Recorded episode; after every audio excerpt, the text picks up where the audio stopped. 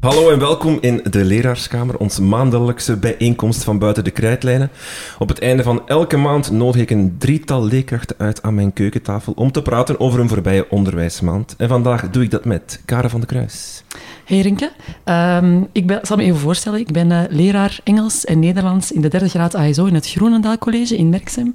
Daarnaast ben ik ook graadcoördinator van de derde graad en uh, beleidsmedewerker op school. Oké, okay, Jeroen Hedemans. Hallo, uh, ik uh, geef les in Mechelen in de tweede graad. Daar geef ik, hou je vast, Nederlands, Engels, geschiedenis en geschiedenis in het Engels als keuzevak. Um, voilà, en uh, daar doe ik mijn best. Oké, okay, en Josfien de Meij? Hallo, ik ben uh, Josfien en ik geef les in Ieper in de eerste graadschool. Daar geef ik geschiedenis. En ik geef ook uh, Nederlands in de tweede graad in het college in Ieper in het ASO. En daarnaast ben ik ook de mentor, dus ik doe wat uh, aanvangsbegeleiding in onze eerste graadschool. Oké, okay, en ik ben Rink en ik geef Nederlands in de eerste graad A-stroom en B-stroom. Voilà. Vier leerkrachten Nederlands ja. aan tafel. Oh nee. Het kan hier zeer, zeer uh, We moeten op de DT beginnen letten. Ja, ja. inderdaad. Uh, ja, welkom allen. Uh, um, we gaan het vandaag hebben over de voorbije onderwijsmaand. we hebben allemaal onderwerpen aangebracht die we gaan bespreken. Maar even voor de mensen die aan het luisteren zijn nu, als u zelf een onderwerp hebt de komende maand dan, dat u een nieuwtje iets creatief dat u gedaan heeft, of een probleem waar u op stuit in uw klaspraktijk of ergens in het onderwijs, laat het ons weten. Dan breng ik dat hier te sprake aan de tafel volgende maand. Dat kan via info.dekrijtlijnen.be of via Twitter of Facebook. We zijn modern, we zijn mee met de sociale media. Dus laat het ons zeker weten. Ook als u wil reageren op iets dat wij vandaag gaan, uh, of hebben uitgekraamd, uh, over een, uh, een, paar anderhalf uur later, dat u zegt van dat is echt niet waar of dat klopt niet. Ook dat mag u zeker laten weten. Dan, ja, maar wel opbouwend. Opbouwend, ja, liefst. Ja, ja, ja. Okay. Maar dan uh, kunnen we het dan nog grondig mee oneens zijn of zo. En Absoluut. dan zijn we weer vertrokken. Goed, we gaan er direct in vliegen. Uh, het nieuws, ja. We beginnen met... Um, uh, een artikel in de Groene Amsterdammer dat ik uh, gevonden heb. Een artikel rond classmanagement. En dan worden er een aantal mensen uh, aan het woord gelaten die expert daarin zijn. Een heel goed artikel. Je kan alle artikels trouwens die we bespreken, vind je terug op onze website www.krijtlijnen.be. Dus je kan achteraf meelezen. Een interessant artikel waar ik eigenlijk gewoon maar drie uitspraken uit wil halen. Namelijk de eerste, het is de Groene Amsterdammer, dus Nederlands magazine, dus ook over de Nederlandse scholen wel. Maar het blijkt dat de Nederlandse schoolklassen tot de minst ordelijke ter wereld horen. Dat dat uh, de meeste chaos is in Nederland. Namelijk uh, ze, een onderzoek van de OESO. Uh, die zegt dat 60% van de leerkrachten daar vaak moet wachten tot het stil wordt. Terwijl het gemiddelde is maar 28%. Kijk. Uh, maar, dat is dan een beetje de, de uh, tegenstelling. Nederland is wel een, een heel goede toppresteer op het gebied van onderwijs. En um, het probleem dat dat stelt, is dat dat zal zorgen voor overcompensatie, waardoor, dat zegt het artikel, dat leerkrachten een burn-out hebben. Namelijk, ze gaan harder werken omdat ze hun lessen niet effectief, vinden, doordat er slecht classmanagement gebeurt. En daardoor zouden ze te hard werken. Ja. Wat, wat denken jullie? Ja, ik, ik, um, ik, her, ik, herken daar wel veel in. Uh, ik heb het artikel ook gelezen en eigenlijk uh, ergens in de vierde regel stond daar leraren praten niet graag over ordeproblemen. Hm. En, en dat trof mij al heel erg. Um, maar wat jij zegt, uh, dat mensen een tandje bijsteken of echt ja, willen verder gaan, ik denk dat dat eigenlijk daar wel wel realiteit in zit. Hm. Of dat, dat zie ik wel op mij, dat zie ik ook aan mezelf soms. Als het niet goed gaat, dan ga ik toch nog even een tandje bijsteken om het wel in orde te krijgen. Dus ik, ja, ik herken het wel.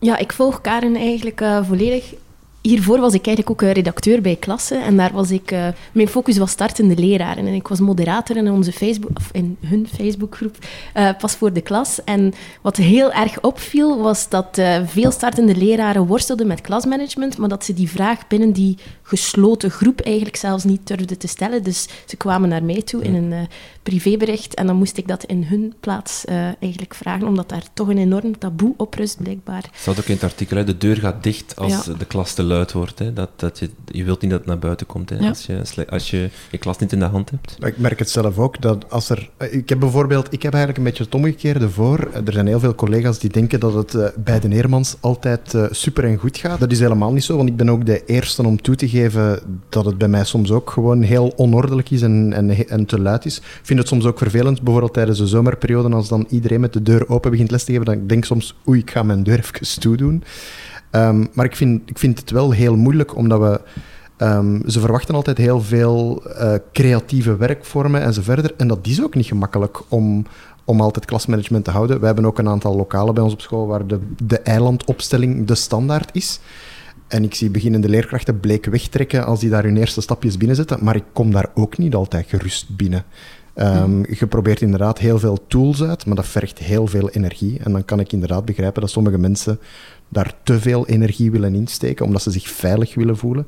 Maar ik denk ook dat het ook draait om soms eens durven te mislukken, maar daar heel goed over in dialoog te gaan met uw leerlingen. Daar is gewoon ook heel veel lef voor nodig. Uh, net als Josephine uh, ben ik dit jaar verantwoordelijk voor de aanvangsbegeleiding. En uh, op vrijdagavond op school hebben wij een soort van informele leraarskamer waar we de week samen afronden. Niet met z'n allen, maar met, met wie daar zin en tijd in heeft. En nu vrijdag zat ik samen met een nieuwe leerkracht. We zaten aan tafel. En ze zei eigenlijk van... ik heb beslist om mijn deur open te zetten. in principe altijd. En op het moment dat het slecht gaat, ga ik het echt gewoon echt nog doen. En ik dacht, wow, dat is wel heel knap. Ik, ik, ik, was er heel, ik stond er echt versteld van. Normaal inderdaad ging jij zegt van mensen de neiging om de deur te sluiten op het moment dat het niet goed gaat. Dus uh, er is wel wat lef voor nodig om, om te zeggen van ik gooi het hier open en, en je geeft daar het idee van veiligheid aan. Uh, mensen hebben de neiging, neiging om zich af te sluiten wanneer het uh, minder veilig wordt.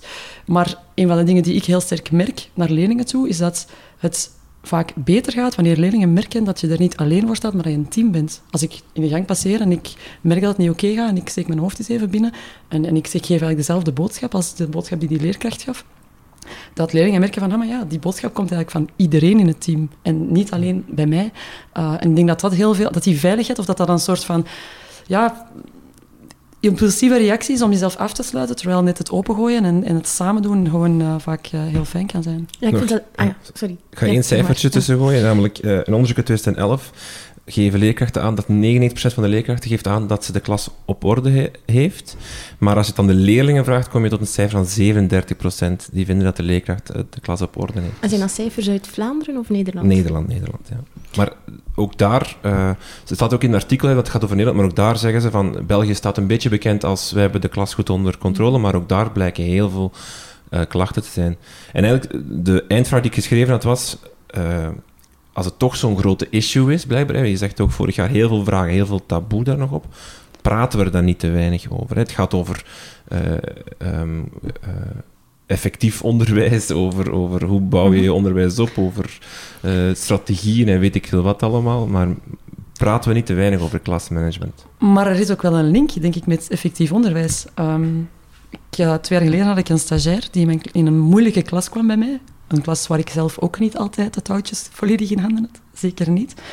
En um, ja, die, die jongen die, die had het heel moeilijk. Dat ging echt ontzettend, ontzettend moeilijk. Dus op een gegeven moment had hij zijn les omgegooid. Uh, hij zegt, ja, ik ga het morgen anders doen.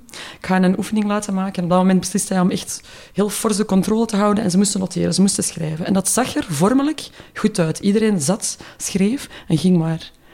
Ik heb op het einde van de les de vraag gesteld, maar denk je dat ze nu meer hebben opgestoken van wat jij nu hebt gedaan dan wat je daarvoor deed. En ik vrees dat het ontnuchterende antwoord is dat dat niet zo is. Ehm, soms kan het ook wel eens wat onrustiger zijn, maar onrust heeft niet noodzakelijk altijd iets te maken met leereffect, maar het feit dat je een klas er rustig en geordelijk en leerlingen allemaal netjes echt op een rijtje notities te maken, hoeft ook niet altijd te betekenen dat leerlingen leren. Um, maar ik ga volledig akkoord dat we het er meer over moeten hebben en dat het uh, verzwegen wordt. Ook trouwens in, in politieke discussies over onderwijs, vind ik. Want staat ook in het artikel, de zwakste hebben de grootste uh, impact of hebben het grootste negatieve effect van een slecht klasmanagement. Uh, maar in het artikel ging het eigenlijk ook vooral over het opstarten van de lessen. Dat sommige leraren er blijkbaar niet toe komen om zelfs de eerste instructies te geven. Dus wat jij zei, Jeroen, al over coöperatieve werkvormen enzovoort, daar kwamen sommige leerkrachten blijkbaar ook niet toe. Dus het ging echt over, uh, ja, ik start mijn les op en ik, ik, zorg ervoor dat ze, doen, dat ze weten waar, waar deze les naartoe gaat.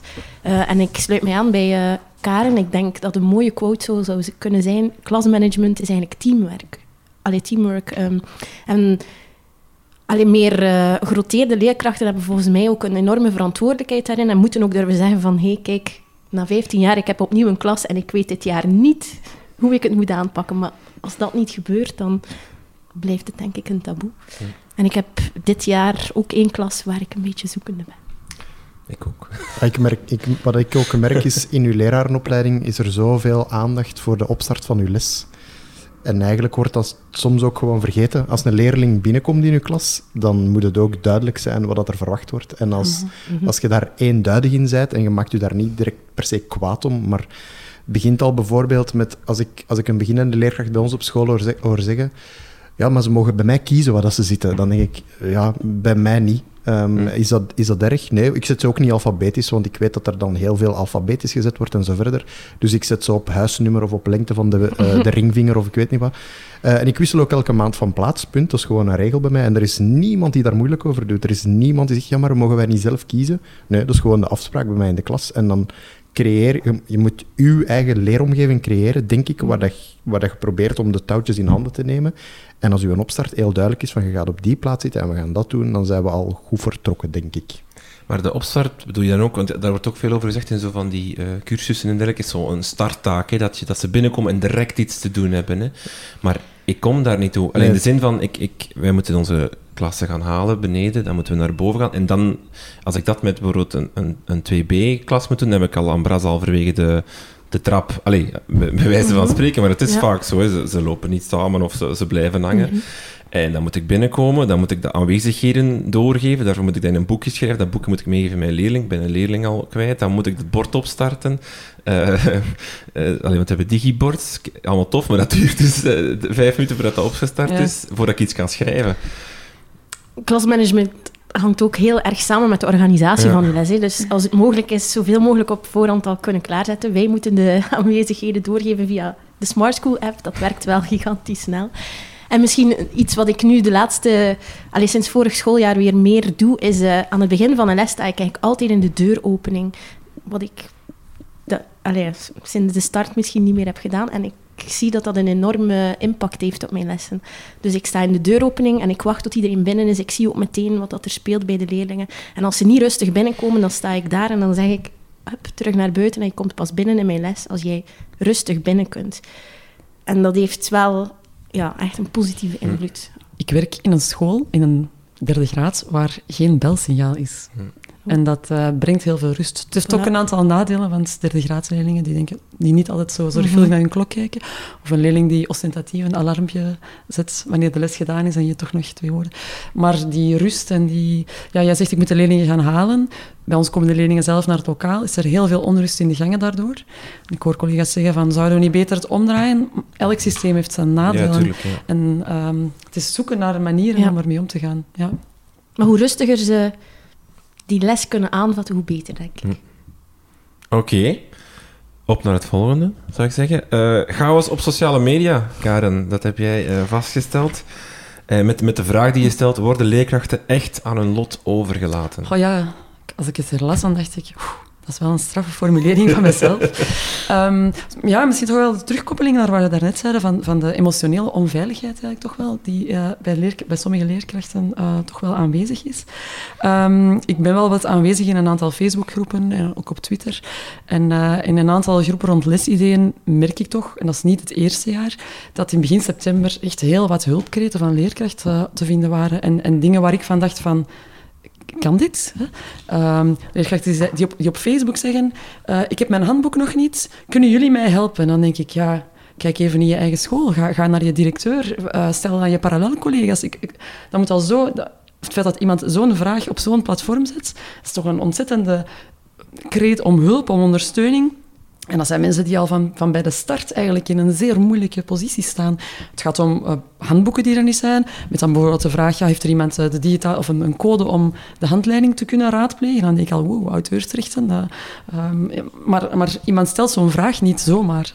Ehm, ik, ehm, ik heb dingen gelezen als, ja, ik moet dit jaar een nieuw vak geven en ik ben op zoek naar inspiratie. Zo, al, als het schooljaar bezig is, dan vraag ik mij ook af, oké, als je daar nu op dit moment hierover nadenkt, oké, iedereen wil inspiratie opdoen, maar het ging dan bijvoorbeeld over, dankzij de, de hervorming, eh, wordt er een nieuw vak ingelegd, bij de remediering of bij de verdieping of, of in, de, in de ruimte die, om vrije dingen te doen. Ehm, en waar mensen eigenlijk zeggen, ja, ik ben aan het denken hoe ik dat ga, invullen. En dan denk ik, oh, als je daar op dit moment van het schooljaar over moet nadenken, dan ja, dan zijn er toch wel nog wel heel wat andere dingen die op je kunnen afkomen. En dat, dat baart mij wel wat zorgen. Ik, dat, ik weet natuurlijk dat dat een, een zeer kleine steekproef is. Dat het natuurlijk niet eh, representatief is voor heel Vlaanderen. Eh, maar het feit dat het er is, baart mij wel zorgen, ja. ik denk dat in de leerkrachten in de eerste graad staan in het eerste jaar, dat er heel veel eh, met hun handen in het haar hebben of zitten of... of ik merk dat bij mijn collega's, ik sta nu zelf niet in, in 1A dit jaar, maar ik zie aan mijn collega's dat, dat die die spreken over, ja, dat is natuurlijk een, een, overdreven term, maar die spreken over gewoon overleven, dag tot dag. Uh, die, sommigen zeggen, ik zou heel graag de nieuwe cursus is helemaal willen, uh, zo wat grotere delen willen plannen, maar ja, waar, waar, wanneer moet je het doen? Hè? De, mhm. de, de, week stopt niet. Uh, weekend zitten ook vaak vol en dan is het gewoon les per les plannen en de grotere delen voorbereiden. Dat lukt niet. handleidingen waren er eind augustus, denk ik, voor de leerkrachten, waarvan er dan er moesten er zoveel geleverd worden, er waren er maar de helft en twee waren verkeerd. Um, herkenbaar. Ja, heel, heel herkenbaar. De summer school van, van onze uitgeverij was 26 augustus. Ik stel me daar ook vragen bij. Als je, allee, wij hebben beslist mei dat we uh, die, dat handboek gingen nemen. Waarom is die summer school 26 augustus? Dat vraag ik me echt af. Dat, dat gaat mijn mm petje te... Alleen in de zin van... Uh, ik snap het natuurlijk, hè, het is, wanneer moet je het dan doen? Hè? Juni, ook een drukke maand voor iedereen, examens, klassenraad en zo verder. Maar 26 augustus, dat is wel echt gewoon ja, nog een week. Hè. ik denk dat die paniek misschien ook te verklaren valt door een grote uh, onzekerheid. Dat, dat leerkrachten ook niet goed weten, wat moeten wij nu dit schooljaar al, al, al kunnen waarmaken? En dat die verwachtingen toch ook nog niet helemaal duidelijk zijn. Allee, ja, bijvoorbeeld over die basisgeletterdheid, Karin, daar heb je het al op Twitter uitgebreid over gehad. Maar dat zijn allemaal factoren die ervoor zorgen dat er een soort van paniek over die leerkrachten, zeker in de eerste graad, uh, heerst. Terwijl dat we misschien gewoon moeten rustig blijven. En, en ik denk dat we dan toch ook eens mogen kijken naar de politiek. Ehm, door de zeer late beslissing rond, de, rond de eindtermen. Door de beslissing bijvoorbeeld van die basisgeletterdheid, die inderdaad totaal onduidelijk is. Want je hebt eindtermen, dat zijn minimumdoelen, en daaronder heb je dan nog doelen gestoken die basisgeletterd zijn. Dat zijn dan minimumdoelen onder de minimumdoelen. Waar er eigenlijk nog doelen onder vallen. Want ik denk, Peter de Bruik heeft dat uitgelegd, dat het gaat mhm. over bijvoorbeeld een brief schrijven is basisgeletterdheid. Maar ja, een brief schrijven, daar heb je tal van leerplandoelen voor nodig, die er dan eigenlijk onder... Allee, het is, het is ja, Heel je denkt er best niet over na. Nee. Maar voilà, dat bedoel ik. Dus, dus dat zorgt ervoor dat er... Maar wie weet krijgen we vandaag of straks hier nog live in de opname nog uh, belangrijk onderwijsnieuws bezig. Oh, ik denk niet dat ze ah, nu gaan landen. Het zal nog misschien nog wel langer duren. Maar ik hoop dat er vanuit uh, de Vlaamse overheid, en, wel een, op, zeker op basisgeletterdheid bijvoorbeeld, wel een, een, signaal komt. Komen er centrale examens die dat gaan testen, die basisgeletterdheid op het einde van de, de eerste graad? Of niet? Ja, beide voor mij oké, maar dat je toch weet wat je moet doen. Goh, ik ben niet zo per se een centraal examen. Ik ook niet, maar, maar, nu is het gewoon, je, je hebt doelen en iedereen moet die halen, anders mogen ze niet over. Het is echt moet, moet 100%. Dat zeg je zo, dat, daar, daar kom je zo mee naar buiten. En dan is er wel niet een, een systeem, hoe dat je dat nu moet testen, of hoe dat je dat nu moet weten, of, of is dat gewoon jij die dat beslist, als klassenraad of als leerkracht? Oké, kan, maar daar is niet over gecommuniceerd. Dat vind ik wel heel gigantisch bizar. onduidelijk. Hè? Er is een, uh, in katholiek onderwijs is er een adviestekst, en die adviestekst, ja, die zegt eigenlijk, die legt wel wat eh, bevoegdheid bij de klassenraad, uh, maar eigenlijk is initieel toen dat idee ontstond, en ik, ik begrijp wel de vraag naar een soort van lat waar we iedereen over moeten tillen. Maar je zou kunnen zeggen, de eindtermen zijn dat gewoon ook al op zich. Ehm, die, um, initieel was er eigenlijk uh, gezegd van, oké, okay, lag er heel veel um, lag taak eigenlijk bij de school. Werd er is, jullie als school ga je, moeten ga je, je gaat je moeten organiseren om ervoor te zorgen dat je al die leerlingen mee hebt. dat betekent voor evaluatie dat je, ja, wanneer je merkt in, uh, in oktober dat een leerling een bepaald eindterm niet haalt, dat je dat op een of andere manier cyclisch gaat moeten organiseren. Bijna zoals in het kleuteronderwijs uh, een aantal zaken echt cyclisch ge georganiseerd worden. Trouwens, een zeer grote voorstander van dingen cyclisch te halen. Maar dat de teksten die dan nadien uh, over die basisgeletterdheid gingen, die, die legden de verantwoordelijkheid eigenlijk bij die leerling veel meer. En dan denk je, ja, dan zit je gewoon in het huidige systeem, waar de verantwoordelijkheid naar de leerling geschoven wordt. Haalt hij ze niet? Ja, ja vraagteken, wat dan? Het is mij volstrekt onduidelijk uh, wat dan eigenlijk. Ik geef les in, in 1B Nederlands en ik heb het al aan mijn collega, vakcollega gevraagd, van moeten wij... we, hebben een aantal, we hebben een grote diversiteit van niveau, hè, 1B. Ehm, en er zijn een aantal waarvan dat je zeker op vlak van Nederlands afvraagt van ja, die andere thuistaal hebben en zo verder. Moeten wij nu al even oplijsten wat moeten die kunnen van die basis en daarop beginnen inzetten, want bij die leerlingen is het echt nodig niet echt een idee. Of, want uh, ja, we willen ook niet niveauverlaging doen. Allee, het is mm -hmm. echt heel, heel, heel Ja, iedereen staat te zwaaien. Je moet Wat gaan ze doen met leerlingen die in 1B de eindtermen niet halen? Voor mij ook een groot vraagteken. Allee, of uh, in, in 2B dan bijvoorbeeld, gaan ze die laten blijven zitten? Dat lijkt me ook waanzin op een bepaalde manier, maar... Ja, ik heb geen antwoord. Maar die onzekerheid, die weegt wel op mensen. Ja. Ik, uh, ja, ergens denk ik, ik heb net gezegd, je moet dat ergens loslaten. Ik bedoel, als het niet duidelijk is, ja, dan laat ik het dat los. Maar dat laat mensen niet los. Hè. Als, als dat je job is, ik sta niet in de eerste graad, maar ik begrijp wel dat het, dat het, um, dat het mensen bezighoudt en dat het hen een ontzettende druk op hen ligt en uh, dat het hen niet gemakkelijk maakt. Je merkt dat inderdaad bij ons op school ook. We hebben de eerste graad die, die al die vernieuwingen moet verwerken. En ik merk daar eigenlijk geen verschil tussen eh, oudere collega's en jongere collega's. De, mhm. die oudere collega's die zien dat even goed niet zitten. Uh, want ze begrijpen ook niet altijd even goed waar we naartoe willen. Het is heel onduidelijk. Nieuwere collega's zitten dan met heel veel stress. Mensen die in hun eerste jaar staan, die zijn nu al bezig met oei, doe ik het wel goed? En als de directeur dan komt kijken of ik volgend jaar mag blijven, die, die hebben daar nog eens die factor bij. Ik bedoel, dat is, dat is goed om uh, hier uh, op het zevende verdiep uit het raam te springen. Dat is, want ja, jullie doen aanvangsbegeleiding van nieuwe collega's. Ja. Het, als je in, in, de eerste graad les geeft bijvoorbeeld, het zinnetje van spreek die collega eens aan, die doet dat al 15 jaar dat geldt eigenlijk bijna niet, want ook die is aan zijn eerste jaar modernisering bezig. Natuurlijk heeft eh, ja, ervaring, allee, dat is ook allemaal niet weggesmeten, maar het is wel een, een ander gegeven, toch? En wat ik merk is dat... Um, ja, we hebben best wel wat nieuwe collega's in de eerste graad. En de focus in de eerste graad ligt zo op dat eerste jaar, dat collega's die in een tweede jaar staan, de nieuwe in een tweede jaar staan, dat die ja, op een vakvergadering alle vragen, alle, alle zaken zijn gefocust op dat eerste jaar. En, en in dat tweede jaar is dat, dat is ook een vraag. Zeg. Oh, dat, ja, het is, het is heel lastig. Is, ja, uh... en uh, zo van de oudere leerkrachten bij wie ze dan niet, of niet zo makkelijk zouden terecht kunnen. Ik probeer mijn uh, jonge collega's, voor wie ik dan die aanvang aanvangsbegeleiding moet coördineren. Ik probeer ze vooral te motiveren om te gaan hosten bij uh, vakcollega's. En dat zijn soms ook nog redelijk jonge collega's, maar met ietsje meer ervaring al op de mm. teller. En um, ja, vorige week was er dus iemand uh, gaan hosten en die kwam echt zo enthousiast terug. Ja, wauw, en ja, die doet dat zo en zo en zo. En dan denk ik, yes, um, gewoon iedere keer kleine beetjes en, en dan... Dan hebben we het toch terug al over de deur die open gaat en ja, ja, want dat is bij ons op school ook soms uh, een heel groot punt van discussie. Ja. Heel vaak als ik bij mensen iets ga uitleggen over dingen waar ik beweer dat ik iets over ken, uh, die dan uit een andere school uh, zeggen van ja, maar, en ik zou dat dan wel eens zien. En ik zeg dan, ja, maar kom dan kijken. Dat die zeggen, ja, maar mag dat wel? Ja, tuurlijk mag dat. Ja. Ik heb toch een sleutel van de school en ik kan mijn deur openzetten voor wie ik wil. Uh, ik zal mijn directie wel verwittigen als je dat heel graag wilt, maar uh, kom maar af. En ik merk dat dat toch een serieuze drempel blijft. Ja, eh. pas op, ik heb ook echt begrip voor wat oudere collega's die zeggen van ja, ik vind dat toch niet zo fijn. Ja, kijk, dat, dat was zoveel jaren geleden een andere cultuur en ik heb daar heel veel begrip voor. En ik weet ook altijd al een beetje welke leerkrachten of collega's ik moet aanspreken om te vragen, mag die startende leerkracht bij jou komen hosten? Dus... Um, ja. Ik vind, ben ook pro het principe, maar ik word ook wel zenuwachtig als er iemand in mijn klas komt kijken. Alleen zenuwachtig of onzeker. Of, of, of, maar dat is ook... Het gebeurt nooit, hè. Dus het is ook uitzonderlijk dat het dan gebeurt. Die cultuur bestaat gewoon nog niet nee. uh, voldoende in ons onderwijs in Vlaanderen, voorbij denk moet. Ja. ja, ik denk dat we daar heel erg naartoe moeten. Ja. Of, ja, moeten, afkomen, moeten. Nee, niet per se moeten, maar we kunnen zoveel leren van elkaar. En als we voor elkaars neus uh, durven op onze bek gaan, dan uh, zijn we al heel ver. Dat is waar. Maar er is nog veel werk aan de winkel. Ah, kijk eens aan. Ja, eh, we gaan naar misschien wel het artikel van de maand. Hè. Het, het, het onderwijsnieuws dat toch wel wat uh, teweeggebracht heeft. Het uh, OESO-onderzoek over um, de loonkost in Vlaanderen. Uh, Josfien, jij hebt dat aangebracht en Dirk van Dam heeft daar toen in op 14 Nieuws duiding bij gegeven, bij dat, bij dat rapport van de OESO. Ik zal even samenvatten heel kort wat daarin staat. Dus 90% van het budget voor onderwijs gaat naar de lonen voor, de, voor personeel. Dat komt door vier elementen, zegt Dirk van Damme. Namelijk één, we verdienen redelijk goed, al moet daar de nuance gemaakt worden.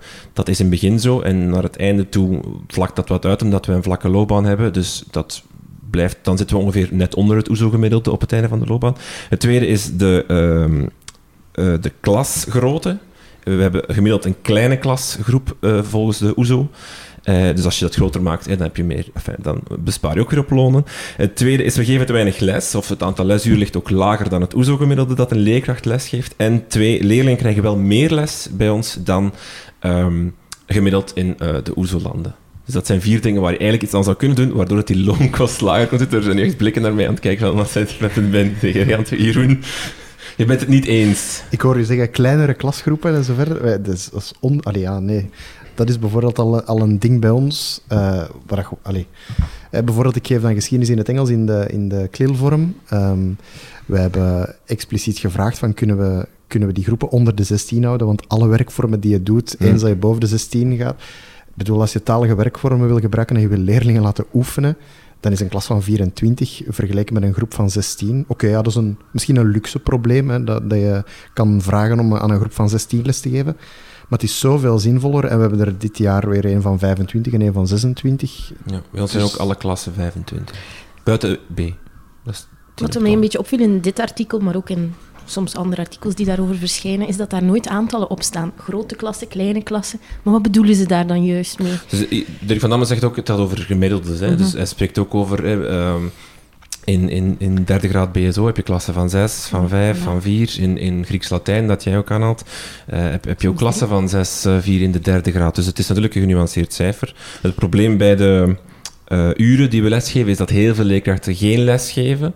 Dus die worden ook meegeteld. Het zijn, het zijn alle cijfers. Hè. Dus eh, je hebt heel veel leerkrachten die niet lesgeven, die thuis zitten. Die, die, die- dus dat telt ook allemaal op. Dus het is wel genuanceerd. Ja. En hij wil niet ons loon afpakken, dat is misschien Ja. ook belangrijk. Haha. Ja, ik geef eh, dit jaar voor het eerst les aan een kleine klas. Ik ga- sta nu het zesde jaar eh, in de school en ik heb altijd groepen van tussen de 24 en 26 gehad. Voor mij is 26 mentaal het maximum om een taalles te kunnen geven, omdat het eh, gewoon niet werkt, vind ik. Ik hoor jou 16 zeggen, maar eh, 20 kan ik wel managen, 24 oké, 26 vind ik echt eh, lastig. En ik heb nu een groep van, één groep van 12. Ik had eigenlijk een nieuw, ik een vak dat ik nog niet gegeven had. En ik dacht eerst, oei, oei, oei, wat een werk. En toen zei ik, oh, twaalf leerlingen, het is een heerlijkheid. Ja, ik, ehm, ik begrijp de opmerking wel. Eh, soms denk ik dat ook wel. Meestal bij ons, als taalleerkracht zit je meestal helemaal volgeboekt, maar inderdaad, zeker in die uh, ASO-richtingen, derde graad, daar heb je, in die, ja, heb je heel kleine groepjes en dan... Ik begrijp wel een aantal opmerkingen. Ik heb ehm, een, tijdje geleden, ik vond het artikel niet meteen terug, ik heb ook iets op het nieuws gezien over een kleuterschool ergens ten Velde.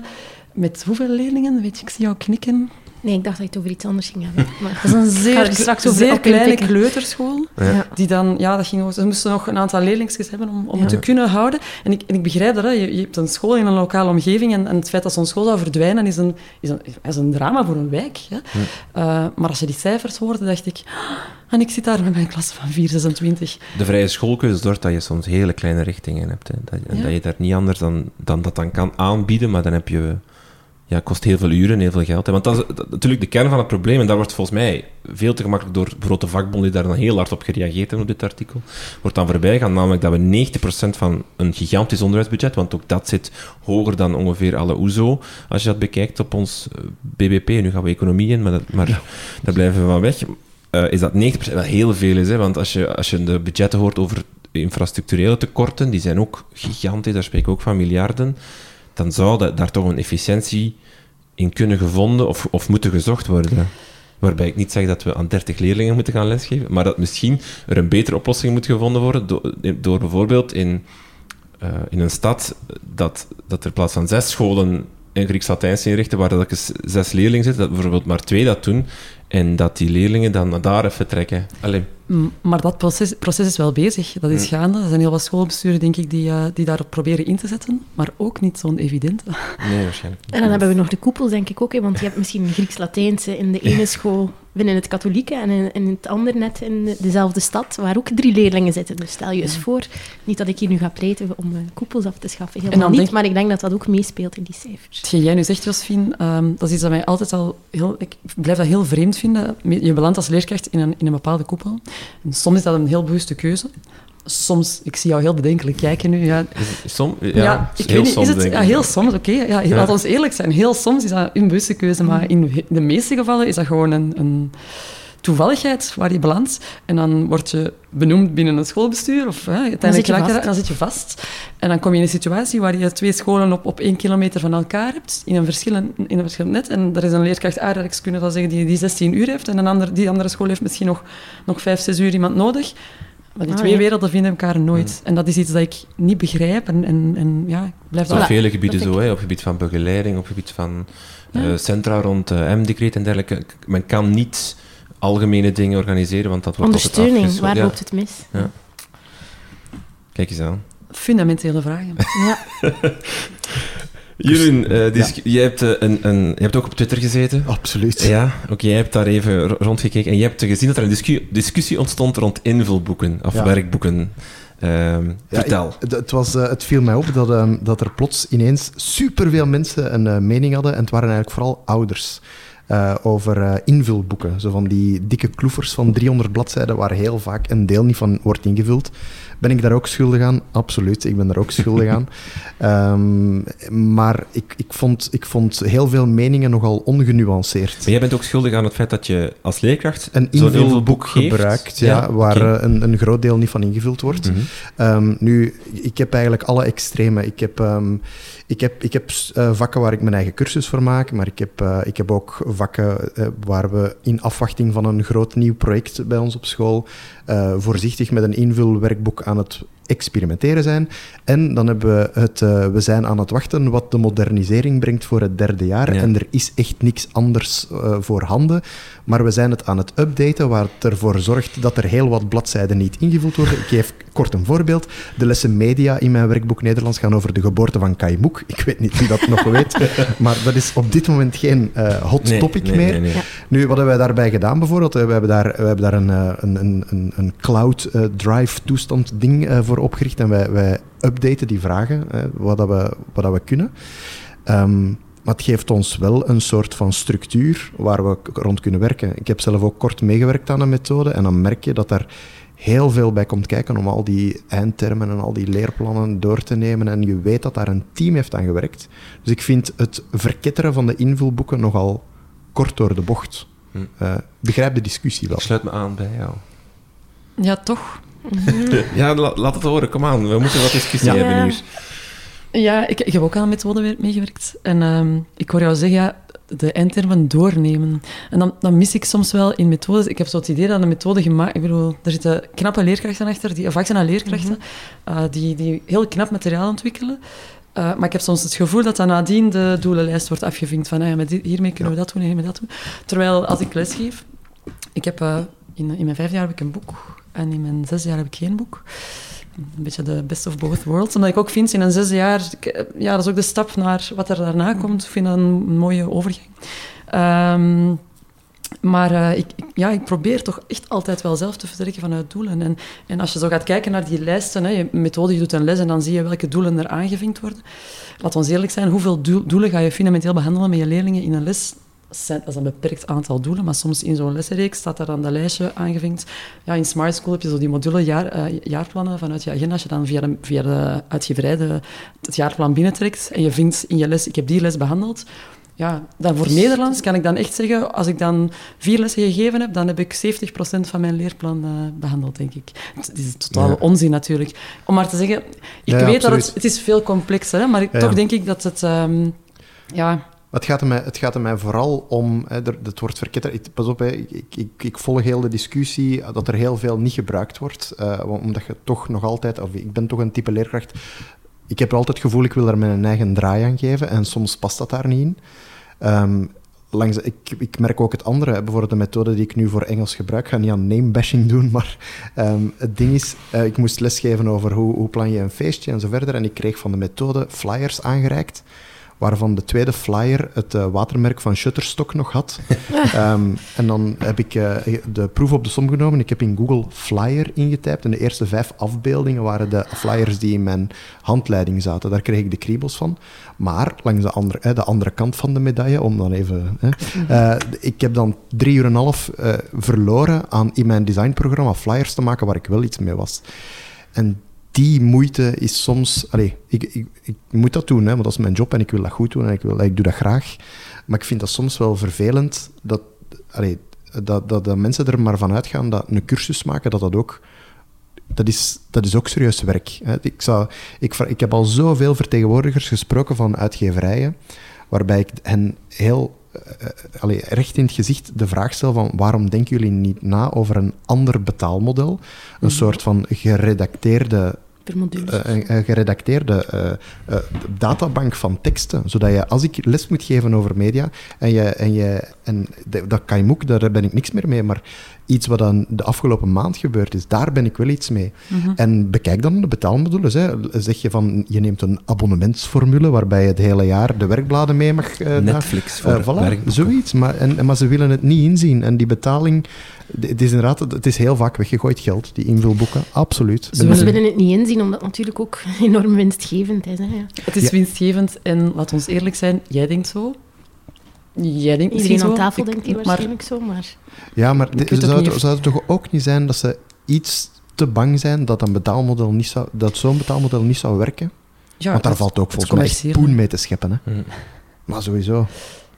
Misschien heb je een nieuwe toekomst. Ja, maar, ja, maar, er, Netflix is geen, werkboeken. maar er, is geen enkel, er is geen enkel uitgeverij die er oren naar heeft. Want ik heb, ik heb, al- ik heb alle grote namen op de markt al wel iemand. eh, En ik denk inderdaad gehad. ook dat allee, wie leerwerkboeken maakt, eh, bijvoorbeeld als auteur, en, maar uiteindelijk moet je dan toch een beetje plooien naar de wensen van de uitgeverij, Mhm. want Dat een leerwerkboek is gemaakt op de gemiddelde leraar, maar een gemiddelde leraar Ja. bestaat niet. hè. Maar dat is ook de Iemand wil waarom- slaafs ja. een handboek volgen en ja. iemand anders wil daar van alles gaan bijplakken en dan zit je met Dat zoveel ook- verschillende profielen, waardoor dat... Maar is dat ook niet zo van... Want het nieuwe werkboek dat, dat bij ons gebruikt wordt, daar, daar zijn ze nu hè, een maand mee bezig. En je hoort al veel signalen. Sommigen vinden het goed, anderen niet. Maar daar staat, dat, dat staat wel heel vol. In de zin, daar zit en de creatieve instap in, en daar zitten de, de oefeningen in, er zit de reflectie in. In, zo'n werkboek, dat moet allesomvattend zijn. Terwijl, ik heb dat niet nodig. Ik zou eerder, ik heb, wat heb ik nodig? Dat zijn oefeningen soms, of, of een goed theo- een theoretisch kader dat ik kan zeggen, dit moet je studeren, of dit is een handig eh, kapstok om iets aan te hangen. Maar een creatieve instap, dat, een week later, en je creatieve instap is al niet meer up-to-date. Een bronnenboek, ik, welke, welke school pakt dat nog? Want het is, het is een jaar leuk, hè, met, dan is dat heel mooi, maar dan is dat artikel, al die bronnen die erin staan, zijn outdated. Dus is dat niet ook een beetje het probleem, dat, dat ze willen gaan naar een soort van ideaal, perfect werkboek of handboek, dat alles heeft, en dat je als leerkracht inderdaad gewoon maar bladzijde per bladzijde moet omslaan en perfect les geeft, maar dat, dat, dat gaat werkt het niet. niet. Het probleem is dan ook bij, bij zo'n leerwerkboek, het, het grote voordeel daaraan is dat je daar als school niet aan, niet aan vastzit. Ja, Als je, dat een jaar, Mm. als je het jaar daarna niet wil gebruiken, dan neem je gewoon iets anders. En je, je jaagt die leerlingen op, op die manier niet op extra kosten. Het grote probleem is dat uitgeverijen uiteraard er niet voor zorgen dat die leerwerkboeken up-to-date blijven, want dat zou het veel makkelijker maken. Ehm, en dan lijkt zo'n online module eh, met Mm. een redactie erachter- Ja, je moet er als uitgeverij een redactie voor aannemen, want dat kan je niet alleen trekken. Eh, Ja, bovendien zijn onze leerplannen gratis leerplannen. En eigenlijk maken de uitgeverijen de keuze wat we behandelen in, het eerste jaar van de graad en wat we in het tweede jaar van de graad behandelen. Als je dan naar de talen kijkt, Ja. En dat druist eigenlijk in tegen alle effectieve leerstrategieën. Als je zegt Ja. van alleen in het eerste jaar en niet in het tweede jaar. Ja. Maar toch, want je ziet dan heel vaak ook op, op Twitter of reacties komen van maak toch gewoon zelf je eigen cursus. Hè. Ik bedoel, dan, ben je, hè, dan doe je je eigen ding, maar dat is, dan heb je toch twee issues, namelijk één, tijd. Ja. Daar kunnen we uren... Allee, dat, dat, Mhm. Waar vind je de tijd? Twee, ik vraag me af of dat je dezelfde kwaliteit kan leveren ehm, in de zin dat je, dat je niet... Je bent niet met een team, niet op, voor op een langere tijd aan het nadenken over leerlijnen, over eh, welke eindtermen ben ik hier aan het behandelen, Ehm, zijn we dat juist didactisch aan het doen? Dat zijn heel veel vragen die je jezelf moet stellen als je zelf een handboek maakt. En ik vraag me af of dat je dat kan als leerkracht. maar dat is toch ook een stukje onze taak. Ja, we zijn daar toch voor opgeleid. Ja, ja, maar... wa- Ja en nee. Ik heb in mijn leraaropleiding nooit geleerd om een handboek te maken. Maar jij moet ook Je geen moet ook geen boek boek maken. Nee, maar daar kom je wel, op een- neer. Als je wel een zegt van- wel een cursus. Hè, dus als je een werkboek niet eh, neemt van de uitgeverij, dan maak je ze zelf. Dan kan je dan in stukjes doen en elke keer, maar op zich ben je dan een werkboek aan het maken. Eh, en ik vraag, dat vind ik me altijd, vraag ik me altijd af, van, ze, hebben, ze hebben daar genoeg voor opgelet om dat te doen, en daar hebben we daar de tijd voor om dat goed te doen. Het- Tijd is een probleem, denk ik. Maar Ja. ik, ik hoorde jou zeggen iets als... Ik moet dat alleen doen. We zijn een team. Nee, nee, oké, dat is waar, ja. Nee, maar dat is waar. Maar dat, be- Dat dat begrijp ik soms ook. Want er zijn hè, bijvoorbeeld eh, er zijn verschillende vakgroepen bij ons op school bijvoorbeeld waar, waar het heel goed draait. Maar er zijn er even goed waar heel veel mensen er alleen voor staan. En het is inderdaad, als je dat met een team kan doen, is dat de, de ideale wereld. Eh, maar als je dat echt alleen moet doen, dan kruipt daar zoveel tijd Dan in. is dat eigenlijk onhaalbaar, Dat is denk ik. eigenlijk onhaalbaar, maar ze verwachten eigenlijk wel dat je het doet. Maar ook in team eh, is dat toch, dan moet je overleggen. Je moet samen zitten. Je bent het, ook al kom je keihard overeen, je bent het niet altijd 100% met elkaar eens. Dat Nee. is bij van spreken uren samen zitten rond bepaalde oefeningen, leerlijnen. Wat gaan we eerst doen, wat gaan we En daarna dan, maar dat doen? zijn toch de strategische keuzes die je wil maken? Dat is, dat, dat is Ja, maar waar geen- vind je dan Daar, de dan- tijd en, en de mogelijkheden om dat te doen? Dan zit je... Dan moeten wij komen tot een, een schoolopdracht waarin er eh, uren zijn die ingeroosterd zijn waar we met elkaar kunnen overleggen. Want ik denk dat er nu heel veel gevraagd wordt van leerkrachten en we moeten elkaar vinden buiten die lesuren en dan heeft die een vrije namiddag. En, Mhm. Maar dan, maar het dan kan systeem je ook geen wij nu- 22 uur nee. les geven. Hè? maar wij hebben... Dat is hetzelfde als een journalist die zegt van ik ga een boek schrijven. ja. Die stopt ook met journalistiek werk. Die zegt ik ga nu zes maanden dat boek schrijven. Tuurlijk. Maar dan ons- moet je kunnen zeggen, maar dan ben je dan voor een uitgever. Ay, dan doe je hetzelfde als een uitgever. Hè? Dat zijn keuzes die een school ook kan maken. hè. Iedereen volgt hetzelfde systeem, maar eigenlijk is daar veel vrijheid in. Maar dat onderwijs wordt overal op dezelfde manier eh, ingericht. Je zou bijvoorbeeld iemand kunnen eh, de taak geven om, om lesmateriaal een beetje te ontwikkelen voor de hele vakgroep en die daar allee, ter compensatie wat minder te laten lesgeven. Dat kan je gerust opvangen door wat grotere lesgroepen. Ik weet het, knuffel in het hoen- hoenderhok. Maar, maar zijn, er zijn volgens mij wel wat mogelijkheden, maar iedereen blijft binnen dezelfde box denken. Maar we hebben op school ooit de denkoefening gemaakt, ehm, hè, zo de ideale school. Ehm, dat was op zich wel zinvol, want dan ging het ook ging niet alleen over lesgeven, maar het ging bijvoorbeeld ook over, over de lunch. Eh, wat als leerkrachten en leerlingen samen zouden lunchen. En er zijn mensen die dan zeggen, ben je gek, ik heb dat, ik heb dat uur minstens nodig om die rotkinderen niet te zien. Ehm, maar langs de andere kant valt er heel veel voor te zeggen als je, als je gaat inzetten op gezondheid en zo verder. Allee, dat is nog wel iets heel anders. Maar daar is toen ook eh, het eh, idee opgeworpen van Ehm, wat als een leerkracht eh, een 9-to-5-job zou hebben? Hè, dus dat, wij, dat er verwacht wordt dat je van 9 tot 5 op school bent. Ehm, eh, maar dan wel met de garantie, ja, om vijf uur is je werk dan wel klaar en gedaan. Je, je bent dan zoveel uren aan het lesgeven en zo verder. Maar dan creëren die momenten en creëren ook de mogelijkheden om zo'n vergaderingen, die bij ons nu ook wel gebeuren, eh, bi- bijvoorbeeld bij de eerste graadse deel duidelijk, dat die mensen heel vaak aan het vergaderen zijn. Er valt heel veel voor te zeggen, maar dat is wel iets, dat is de, de hele maatschappij die we dan gaan moeten veranderen. Het is een ander systeem. ja, want dan moet het ook zo zijn dat bijvoorbeeld dat, dat al die leerlingen die nog hobby's hebben en iets anders, dat dat er eigenlijk ook nog bij kan. Hè? Want er is op zich niks mis mee met, eh, met op, hè, zoals in Amerika bijvoorbeeld gebeurt, hè, dat ze om drie, om drie uur bij wijze van spreken gedaan hebben en dan sportdingen en zo verder gaan doen. Dat is ook een deel van ons. En dan komen we terug bij Dirk van Damme, die trouwens als een van de oplossingen zei dat wij te veel lesuren Mhm. geven. Ja. Misschien ligt daar toch ook een oplossing in. Ik Yep. weet ja, ben niet helemaal Ja, we geven maar- meer uren Voilà, we dan we, veranderen. eigenlijk moeten geven. Ja. En als wij meer kunnen samenwerken, gaan we misschien effectiever kunnen lesgeven. Ik weet het allemaal niet, maar Ander, eh, er zijn eh, sporen. Kortom, een pleidooi voor een schoolopdracht hoor ik hier. eh.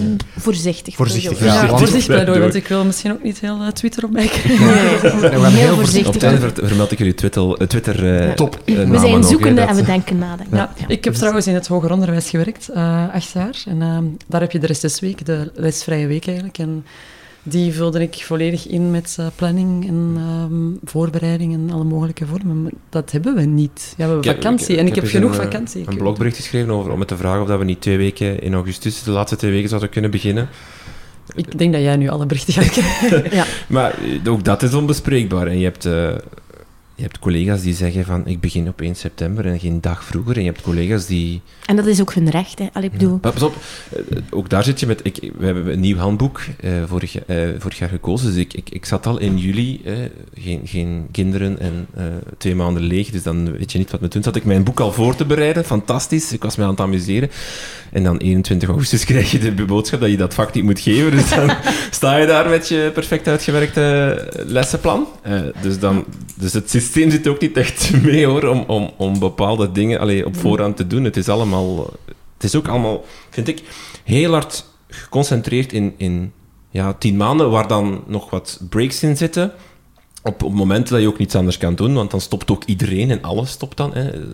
Dus, dus ik, ik, heb, ik heb het gevoel, en dat heb ik ook met zo'n werkboek maken, dat, dat vanaf september er een trein vertrokken is. En je kan daar niet even afstappen om even beschouwelijk te gaan kijken van wat zijn we hier aan het doen en hoe ga, dat vind ik heel moeilijk. Moeilijk, alleszins. Ehm, ja, en daardoor doe je ook heel vaak dingen elk jaar opnieuw en elk jaar denkt je, nou, dat is niet zo goed. Maar eigenlijk, als je al die puzzelstukken nu samenlegt, hè, leerkrachten die een hulpketen hebben in het begin van het schooljaar, boeken die er niet zijn, opdrachten die heel laat verdeeld worden, en dan, dan kom je tot de vaststelling dat mensen in het rood gaan, ja, omdat ze gewoon op 1 september starten, alles ram, bovenop. Ik, ja, dat is toch geen verrassing eigenlijk? Ik bedoel, Nee. die school start op... Ik bedoel, jij zegt het is in de recht. Het is iedereen Ja, recht ik om... bedoel, het staat nergens beschreven, dus daarmee nee. zeg ik inderdaad van ja, dat is hun recht. Niet, Nee, niet dat, dat is, ik... ehm, Allee, nee, nee, maar het is ook gewoon zo. Het is gewoon zo. Maar ik af, maar ik moet ja. maar zeggen, dat, dat, dat heeft eh, wel een effect natuurlijk op hoe je start en, en hoe je omgaat met werklast. En, en Zijn denk er oplossingen? Ja, vertel maar. Nee, ik, dat, dat, dat- Nee, zijn ik er denk- oplossingen? Ik, ik, denk het, ik, denk het op niet, ik denk het op zich niet per se. Ik denk niet dat wij dit gaan kunnen oplossen.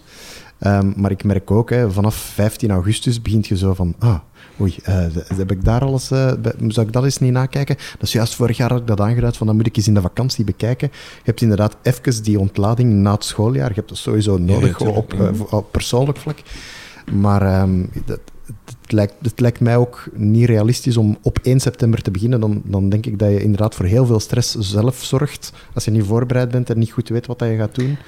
Eh, maar op te lossen denk ik niet dat dat, zo, dat, dat zomaar is. Eh, Want dat vind ik wel... Hè, want we halen in een heel aantal dingen aan, waardoor dat we in het rood starten. En je zou de oplossing kunnen zeggen, zetten namelijk minder lesgeven, meer geld, meer uren, meer, vrij, allez, meer, meer vrijheid. Maar dan zit je met net dat artikel van Dirk van Damme, dat zegt, we hebben een fantastisch onderwijsbudget. Er gaat al keiveel geld naar leerkrachten. Er, is geen, allee, er, er, er zal ook nu bij de nieuwe Vlaamse regering geen wonderlijk budgetverhoging bijkomen waarschijnlijk. Ehm, dus wat, wat, er loopt dan toch iets fout ergens structureel met dat geld. Waar blijft dat hangen, vraag ik me dan af. Want... Oh, er wordt hier iets ge- gefluisterd dat niet let opgezegd heeft. Oké. De bedrijfswagen. De bedrijf. ja. Misschien moeten we doorgaan naar het volgende onderwerp. Ehm, de perfecte les bestaat niet, Karen. Ja, tijdens de vorige aflevering zat, eh, zat Tim Surma hier aan de tafel en eh, kwam die een beetje reclame maken voor zijn, voor zijn nieuwe boek. Niet alleen zijn boek, hè. het is een boek dat hij geschreven heeft met een aantal eh, onderwijsonderzoekers. Ehm, en het is deze maand eh, gepresenteerd. Ik ben naar de boekvoorstelling geweest. Eh, het boek heet Wijze lessen, 12 bouwstenen voor een eh, effectieve didactiek. Klinkt heel sterk ja, als je het boek leest. Eh, de boekvoorstelling was er, het was superboeiend. Ehm ik heb het boek ondertussen ook in handen. Ehm, maar ja, dat werd gelukkig ook in de media opgepikt. En dan kwam daar inderdaad dat artikel over hoe geef je de perfecte les aan je kind. Dat het in de morgen stond ergens. En dan eh, merk ik toch al meteen bij mezelf, oeh, als dit de vertaling is, ik weet het, het is een, kranten, het is een krantentitel en we hebben veralgemening nodig om te overleven in deze wereld. Maar ehm, ja, de perfecte les. Het is niet zo dat je op basis van dit boek een perfecte les gaat geven. Maar er zitten wel echt heel toffe eh, ingrediënten in, eh, denk ik, om mee aan de slag te gaan. En ik denk als we allemaal ons soort, onze, onze voorraadkast aan ingrediënten wat uitbreiden om leuke, en niet leuke lessen, waarom zeg ik nu leuke lessen? Om goede lessen te geven. Ja, dan, eh, dan denk ik dat we allemaal heel, veel, heel wat verder komen. Dus eh, ja, warm aanbevolen. Het is, het is een heel fijn boek. Het is eh, mooi georganiseerd. Er staat telkens ook een link met onderwijsonderzoek bij. Er staan werkvormen in die in de klas echt gebruikt kunnen worden. Voorbeelden om, om de theorie eigenlijk eh, te verduidelijken. En je kunt ook, als je zegt van dat onderzoek, ja, ik wil dat gewoon skippen, dan kun je dat gewoon overslaan en alleen de praktijkvoorbeelden lezen bijvoorbeeld. Eh, dus ja, wat mij betreft is dat een absoluut En er staat ook een poster van die je kunt Ja. downloaden om uit te hangen in Heel het boek kan je gratis downloaden, ook op Ja, dat is waar, wijzelessen.be. ja, Ja, maar de poster eh, zie je zo in één oogopslag, denk ik, de elf met een paar ingrediënten. En ik denk eh, dat Tim, Tim Surma zelf op de boekvoorstelling eigenlijk ook al zei van ja, met dit boek, het is het idee van de perfecte les, we moeten dat loslaten. Hm. Ook- Misschien moet ik het straks nog een keer regelen. Loslaten. Loslaten. Jeroen, al, al aan het lezen? Of, eh? Eh, ik heb eh, de poster gedownload en aan mijn directie eh, laten zien. En een van de drie zei, ik ken het al. Ik zeg, dat is goed, dan zijn we wel goed bezig. Oké, we sluiten het nieuws af met een, eh, een artikeltje uit eh, de krant ook ehm, over de Karel de Grote Hogeschool. Die hebben een leerkracht met eh, ziekteverlof gestuurd. Het was een leerkracht die het vak wereldbre- wereldbrede uitdagingen gaf in het derde ja, bachelorjaar sociaal werk. Dat komt, de man was gefrustreerd, want hij wou zijn eerste les geven voor het stadhuis van Antwerpen op de dag van de klimaatbetoging. Dat mocht niet. Dus uh, heeft hij een andere oplossing gevonden. Hij heeft zijn leerlingen gezegd, mannen, we gaan geen examen doen, maar ik ga met jullie een examencontract afsluiten. En jullie moeten vier klimaattoestellingen halen dit jaar en dan ben je geslaagd. Nu, de klimaattoestellingen uh, waren, ik zal ze even voorlezen, ze moesten zijn les filmen en de beelden bezorgen aan de burgemeester van, van Antwerpen, Bart de Wever. Ze moesten een klimaatacties opzetten in groep. Er moest tegen 1 februari voor gezorgd worden dat alle fossiele brandstoffen op Antwerps grondgebied verboden zijn. En het klaarspelen dat de burgemeester de noodtoestand zou uitroepen wegens de hoogdringigheid van de klimaatzaak. Voilà, de, zowel de hogeschool als de leerkracht in kwestie wilden niet reageren op het krantenbericht. We kunnen al één ding besluiten, die man is in het rood gestart aan het academie.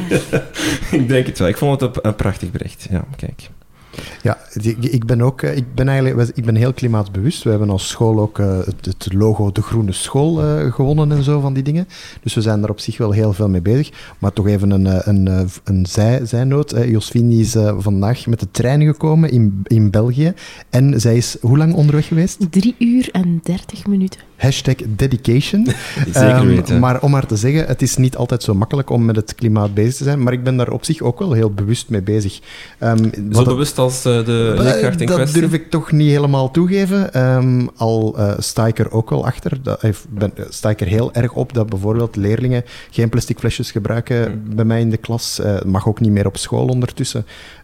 Maar ik, ik zal er heel veel mensen heel fel op wijzen waarom ik met de fiets naar school ga en zo verder. Um, maar dit, dit, ja, het is natuurlijk misschien dat er... Uh, Misschien was er nog een tussenoplossing geweest. Want ik vind dat op zich ook wel een uh, nobel uh, initiatief. Het is op zich interessant om nu examens af te schaffen en daar een soort van... Zo had ik het nog niet bekeken, maar... Maar je zou ook een, we zouden ook een discussie, discussie, kunnen starten over hoe ga je om met zoiets politiek geladen als het klimaat. Hè? Want ook daar zijn de voorbije maanden, jaren, met de, alle klimaatacties en aan scholen die meedoen, heel veel kritiek en, op, op ja. geweest. Dat zouden we kunnen doen. Maar iedereen heeft een mening over de mensen die er uh, vooraan, vooraan het hardst lopen te schrijven, uiteraard. Um, ik, ik, ik, ik ben er persoonlijk ook... Ik, ik vrees dat we er te weinig mee bezig zijn. Ik, ik, ik denk dat we nog niet bang genoeg zijn. Um, ik ben ook geen doemdenker, dat helemaal niet, maar alle kleine beetjes helpen. Um, de, de, kladbak in mijn klas is daar een, een, mooi voorbeeld van, denk ik. Zo weinig mogelijk papier verspillen.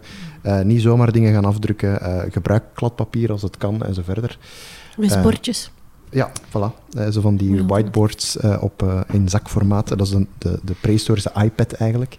um, die gebruiken we ook. Um, we hebben net een klasdag achter de rug. Zo'n een, een teambuilding ding voor de klasse, waar we ook heel afvalarm gewerkt hebben. En dat wordt altijd ook geapprecieerd. Er is niemand die raar kijkt als we herbruikbare bekers gebruiken, bijvoorbeeld. Ik vind dat eigenlijk ongelooflijk. Dat is iets wat ik zelf in mijn lessen, in mijn, ja, ik ben daar, wij hebben ook wel een werkgroep uh, MOS op school, milieuzorg.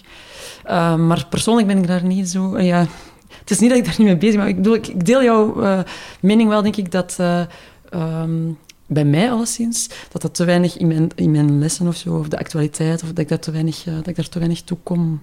Dat ik een beetje misschien een vakidioot ben. Ja, ik, ik, het is moeilijk ook, hè, om... om uh, hoe praat je daarover? Want je hebt natuurlijk het wetenschappelijk consensus, mm -hmm. maar daar zit een hele harde politieke boodschap aan nu, hè, met... Mm -hmm. met uh, veel, veel allee, politieke geladenheid aan, die, die ook bijvoorbeeld hebt als je over religie of, of dergelijke spreekt.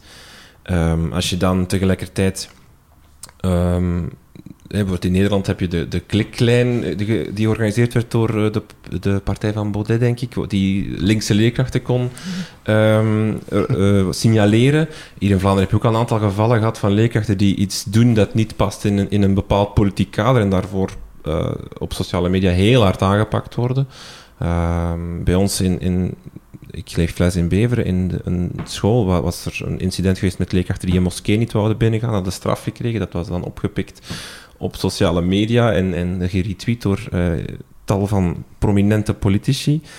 Uh, resultaat was dat de leerkracht in kwestie uh, een half jaar thuis gezeten heeft met, allez, door alle bagger die ze over haar heen gekregen heeft. Dus je zit... Allee, ik weet niet of dat mag meespelen, hè, maar, maar ik vind dit wel, net zo klimaat, maar net zoals als, als bepaalde onderwerpen, zijn zo politiek geladen geworden. En ik vind dat je dat wel meer voelt in een samenleving en dat je als leerkracht... Ja, je moet daar een soort van neutraliteit in vinden die niet bestaat. Of eigenlijk wel, want je, allee, of misschien wel bestaat, maar die dan niet door iedereen neutraal gezien wordt. Ja, ja, Doe maar. Ja, ik denk dat het belangrijk is om als leerkracht ook zoveel mogelijk authentiek te zijn. Ehm, maar met een blijvende zoektocht naar wel ergens altijd een beetje het midden op te zoeken. Ik denk dat het nooit goed is dat, dat je als leerkracht een extreem voorbeeld zal stellen aan je leerlingen, maar mag wel jezelf zijn, denk ik, maar je mag niet zomaar... Ja. Maar voor, vorig jaar was, eh, had ik een leesopdracht of een, een artikel over de gemeenteraadsverkiezingen. En dan ging het over... mijn leerlingen waren overtuigd dat Bart de Wever een racist was. Oké, ik had daarmee in, over, in gesprek. Maar dan vroegen ze op een gegeven moment aan mij... Meneer, u hebt, hebt u op Bart de Wever gestemd? Antwoord je dan... Nee of ja?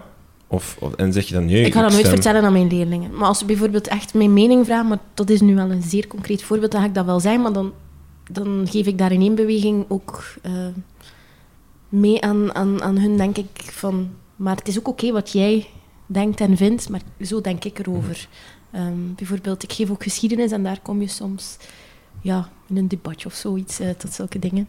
Ehm, ik denk dat het belangrijk is om mee te geven van, kijk, ik denk zo, jij denkt, jij denkt anders en dat is oké. En, en laat ons vooral een keer goed luisteren naar elkaar. En hoe komt het dat we tot eh, Ja. die standpunten Hoe komt het dat ik nu zo denk en jij anders? Misschien Hm. een ander referentiekader of zo? Ik denk dat die verwijzing naar die neutraliteit, eh, eh, dat je, dat je, dat je authenticiteit, dat was het Ja. woord dat ik zocht, dat dat eigenlijk super belangrijk is, dat jij jezelf bent. Ik zit hier ook trots met mijn Star Wars t-shirt vandaag. Ehm, dat is omdat ik mezelf ben en omdat mijn leerlingen mij ook op die manier appreciëren. Dat is ook de manier waar, als ik het over klimaat heb, dat ik zeg, dat, zijn, ik zeg, dat zijn dingen die ik doe. Voilà. Ehm, dat is, dat is mijn, mijn overtuiging. Maar als ik bijvoorbeeld de vraag zou krijgen van hebt u op Bart de Wever gestemd? Dan zeg ik van kijk, op dit moment vind ik dat niet de belangrijkste vraag. Ik zeg, dan probeer ik eerder te achterhalen van kijk, waarom, hebben we inderdaad, waarom zijn er zoveel mensen die erop stemmen? Waarom zijn er mensen die er even hard niet op stemmen? Eh, en probeer ik dat eigenlijk... dat- als het gaat over politieke neutraliteit, daar, daar ben ik denk ik ook heel neutraal in. Ja, Daar zal ik Mhm. nooit zomaar eh, voor de klas eh, iets over zeggen. Ja. Ehm, Ander Ja. voorbeeldje. eh, leerlingen eh, eh, die in de klas chips aan het eten zijn. Jij zegt dat mag niet, gooi het in de vuilbak. Waarop dat die leerkracht zegt, nee, meneer, dat gaat niet, dat is haram, dat mag niet. Mag. Wat doe je dan? ehm, Ze mogen geen eten weggooien, maar Stop Ja. het in je boekentas. Ik denk dat, dat, is dan het- de tussenweg. Hè? Dan, Ja. dan, Ja. dan zoek je... Tussenwegen. Bij, m- ik denk dat ik, eh, eh, uit, het blote hoofd, denk ik dat ik eh, zou reageren als, ehm, kijk, op dit moment ben je in overtreding met de schoolregels. Hè. Je hebt- we hebben afgesproken dat er in de klas niet gegeten wordt. Ehm, jij, maakt, jij maakt een fout. Ik zou, eigenlijk, li- ik zou eigenlijk het liefst hebben dat je dat in de vuilbak gooit. Ehm, we kunnen goede vrienden blijven door goed af te spreken van, kijk, die chips, dat hoort niet, dat doe je niet. Je steekt dat op dit moment in de vuilbak. Ik ga je nu wel waarschuwen. Als ik je nog zo'n keer betrap, dan gooi ik het in de vuilbak. Of het nu haram is of niet, ik wil daar geen enkele cultuur mee beledigen, maar dat zijn de afspraken die wij maken. Ik denk dat dat mijn reactie zou zijn. Kun je dat nog eens herhalen? Ja, ik, ga dat, ik zal je dat zo eens mailen. Ja. Of via Twitter. Ja. Dat zijn een aantal tweets wel, denk ik. Ja, Ja. Dat komt goed. Ik Een maak draadje. een thread. Ja, voilà. Een draadje moet ik zeggen, ja. In deze puristische maatschappij. Oké, dat was het nieuws. We gaan over naar de creatieve, innovatieve dingen van het moment. Eh, Karen, jij werkt eh, tegenwoordig met een documentencamera. Ja, ik heb hem ook bij. Oké. Ja, dat we geen video thuis hebben. Het zien, zit in een blauwe doos. Ja. Ik zal de live de verslaggeving doen. Ja, er komt een, eh, een, een, een, een ding uit We dat hebben daarvan een vintage versie op school. Ik, de ik zal gewoon ook even de uitleg doen. Nee, Dus ik een had- documentencamera. Ja, ehm, ik heb ooit nog lesgegeven met een overhead. Ik hebben jullie ooit Ja, een Ja, ik, ik, helemaal ik niet. zie er nog jong uit, maar... ja, een ja. over- Ik vind het een, eh, een, vond het eigenlijk wel een heel fijn, eh, fijn eh, instrument. Dus eigenlijk moet je het een beetje zien als de, de nieuwe versie van de overhead. Het ziet Maar, eruit eh, als een, een bureaulamp. Allee, qua, qua vorm, Het hè. En qua grootte ook. Ik denk dat het een, Ja. eh, En ehm, ik had er vorig jaar al heel vaak over gelezen op Twitter bij vooral Britse collega's. Dus eh, ik, ik geef ook Engels en eh, ik volg op Twitter bijvoorbeeld de hashtag Team English, wat een eh, fantastische ehm, hashtag is trouwens om te volgen als je Engels geeft. Eh, heel veel leerkrachten die gigantisch veel delen en ook qua werkvormen heel sterk eh, hun eh, ervaring delen. En he- ik- al die bijna al die leerkrachten hebben zo'n documentencamera. En dan dacht ik, oké, ik ben nogal tech-minded. Ik dacht, ik kan niet achterblijven. Toch nog even getwijfeld, want je zoekt dat dan op en dan denk je, ja, welke ga ik nu kopen? Dat zijn wel verschillende merken. Heb je die zelf betaald? Ik heb hem zelf betaald, omdat het... omdat ik eh, eigenlijk geen flauw idee had, hij hij kost iets meer dan 100 euro. eh, eh, omdat ik eigenlijk geen flauw idee had van wat het mij zou kunnen opleveren. Gewoon omdat ik nogal technologie-minded ben. Maar ondertussen, mijn collega's hebben mij dus al- nee, ik ga eerst het verhaal doen. Dus Ja. ik, heb het ik heb erover gehoord. Ik, ik zag er werk voor me weer. waar Ik van dacht van, ja, dit wil ik doen. Bijvoorbeeld, je bent een schrijfles aan het geven. Niet altijd in een, co- een computerlokaal. Goh, het is soms handig omdat je digitaal ondersteuning hebt bij het schrijven. Maar soms is schrijven ook gewoon echt datgene wat je op papier moet doen. Even. En ehm, je gaat rond bij je leerlingen, ze zijn bezig. En je merkt eigenlijk bij de tweede leerling, derde leerling, dat je eigenlijk telkens hetzelfde moet zeggen. Dan, hop, even, je wil die instructie terugleggen, maar dan ga je eigenlijk gaan, of wat ik dan meestal doe, is eigenlijk die instructie heel verbaal maken. Je gaat terug voor de klas staan en je vertelt, je vertelt terug. En als je dan op zo'n moment één of twee voorbeelden gewoon onder de camera kunt leggen, kijk, dit of dit wil ik niet zien of anders zien, of, of dit is net een heel mooi voorbeeld, kijk eens, ja, dat is een fantastische start. Uh, dan hebben ze echt ook visueel een input bij datgene wat jij verbaal aan het zeggen bent. Ik ben heel, veel, heel erg bezig met hoe ik mijn instructies eigenlijk wel kan verbeteren, omdat ik denk dat er daar heel veel uh, tijd en energie verloren gaat. Uh, dus uh, ik zag die werkvorm en dacht, ja, oké, ik wil het ook echt heel erg proberen. En ik heb hem dan gekocht. Ik heb hem nu ook geprobeerd. En dus ik heb hem al geprobeerd. En ondertussen zijn er al twee collega's die tegen mij zeiden, oh, ik wil het eigenlijk ook, ik wil het, ook echt doen. Het is super handig. Je plugt het in. Je hebt een klein stukje software nodig. Um, maar de kwaliteit, ik had een beetje schrik van wat voor kwaliteit gaat het geven. Maar de kwaliteit is echt heel goed. Uh, heel zuiver. Je kan er fotootjes mee maken, je kan het filmen, je kan, ja, je kan er echt van alles mee doen. Je kan eigenlijk echt heel leuke instructiefilmpjes maken. Um, dus ja, ik heb zeker nog niet alle mogelijkheden ontdekt. Maar eigenlijk is het... Het is ja, de vroegere uh, overhead-projector, zeg maar. Maar dan ja, gepimpt, want je kan er eender wat onder leggen. Op overhead moest je van die ja, transparante mm -hmm. slides leggen. Uh, maar de, hier, ik kan ook mijn boek leggen. Dus ik, ik gebruik sowieso al geen bordboek, omdat ik dat heel omslachtig vind. Maar ik kan eigenlijk gewoon mijn boek er ook onder leggen. En kijk, ja, we zijn nu hier. En, en, en ze, ja, ik, ik, ja, bijna standaard steekt het nu in als ik in de klas Het ziet er ook wel heel erg praktisch uit. Het weegt niet veel. Het zit in een mooie etui.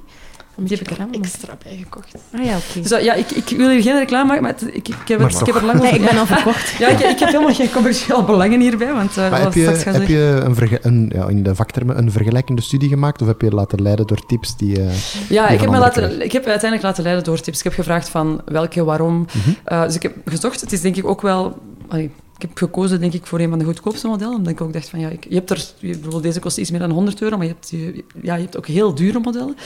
Uh, die nog veel meer dingen snufjes kunnen. Maar ik wou eigenlijk gewoon heel snel inpluggen en iets kunnen tonen. Dat was eigenlijk alles. Denk maar bijvoorbeeld aan een labo. Je zit als wetenschapsleerkracht en je wil ja, iets tonen om dat visueel duidelijker te maken. Of voor iedereen in de klas.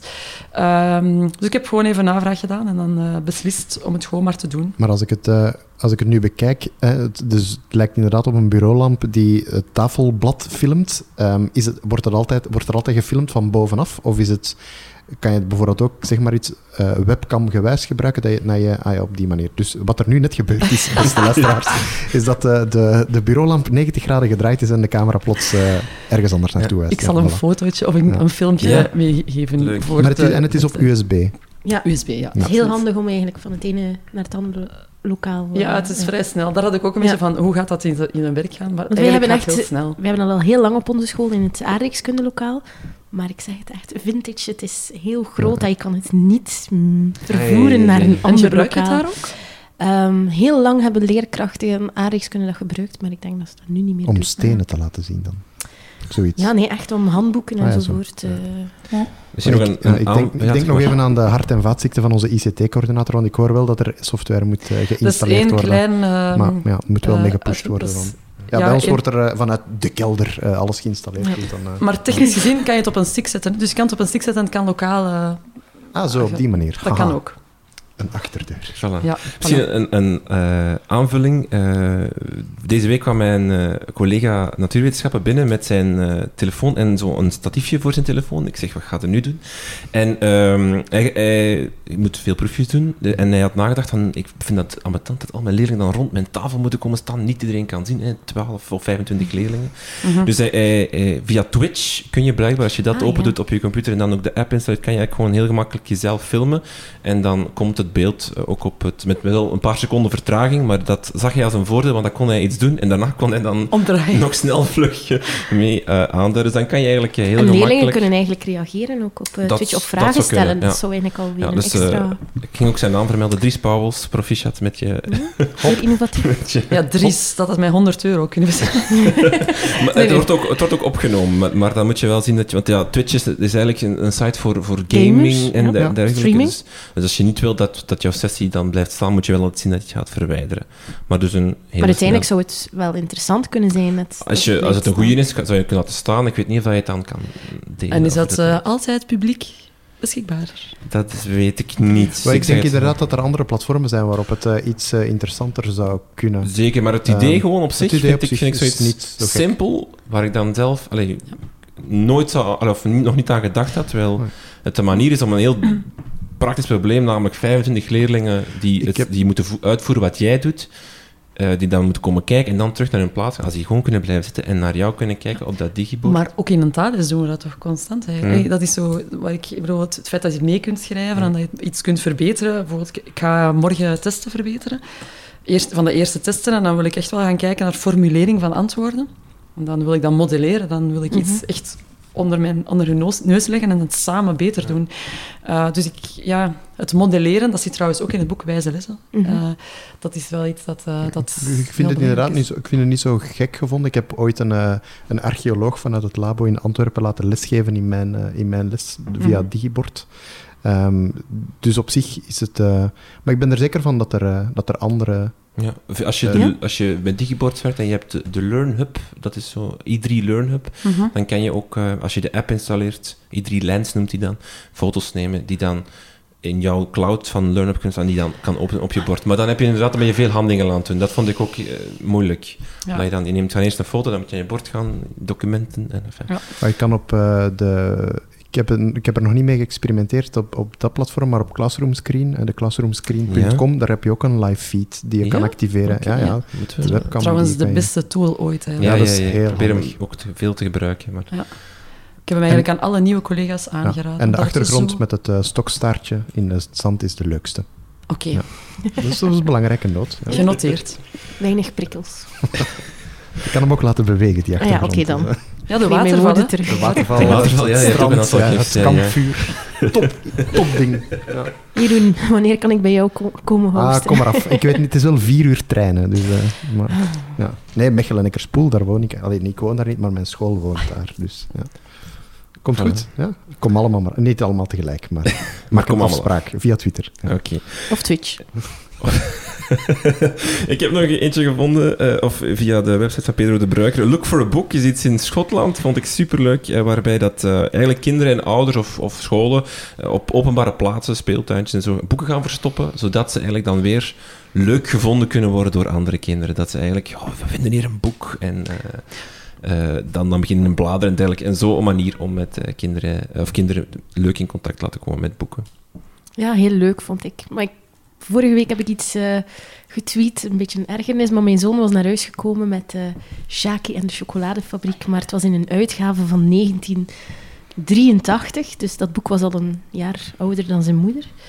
En ik heb hem eigenlijk verboden om het boek te lezen, omdat dat toch een heel oude spelling is en ik vind dat een super initiatief, maar we moeten vooral ook kijken om, om goede boeken ook in die scholen te krijgen. Want het aanbod aan boeken is echt verouderd in heel veel schoolbibs. Ja.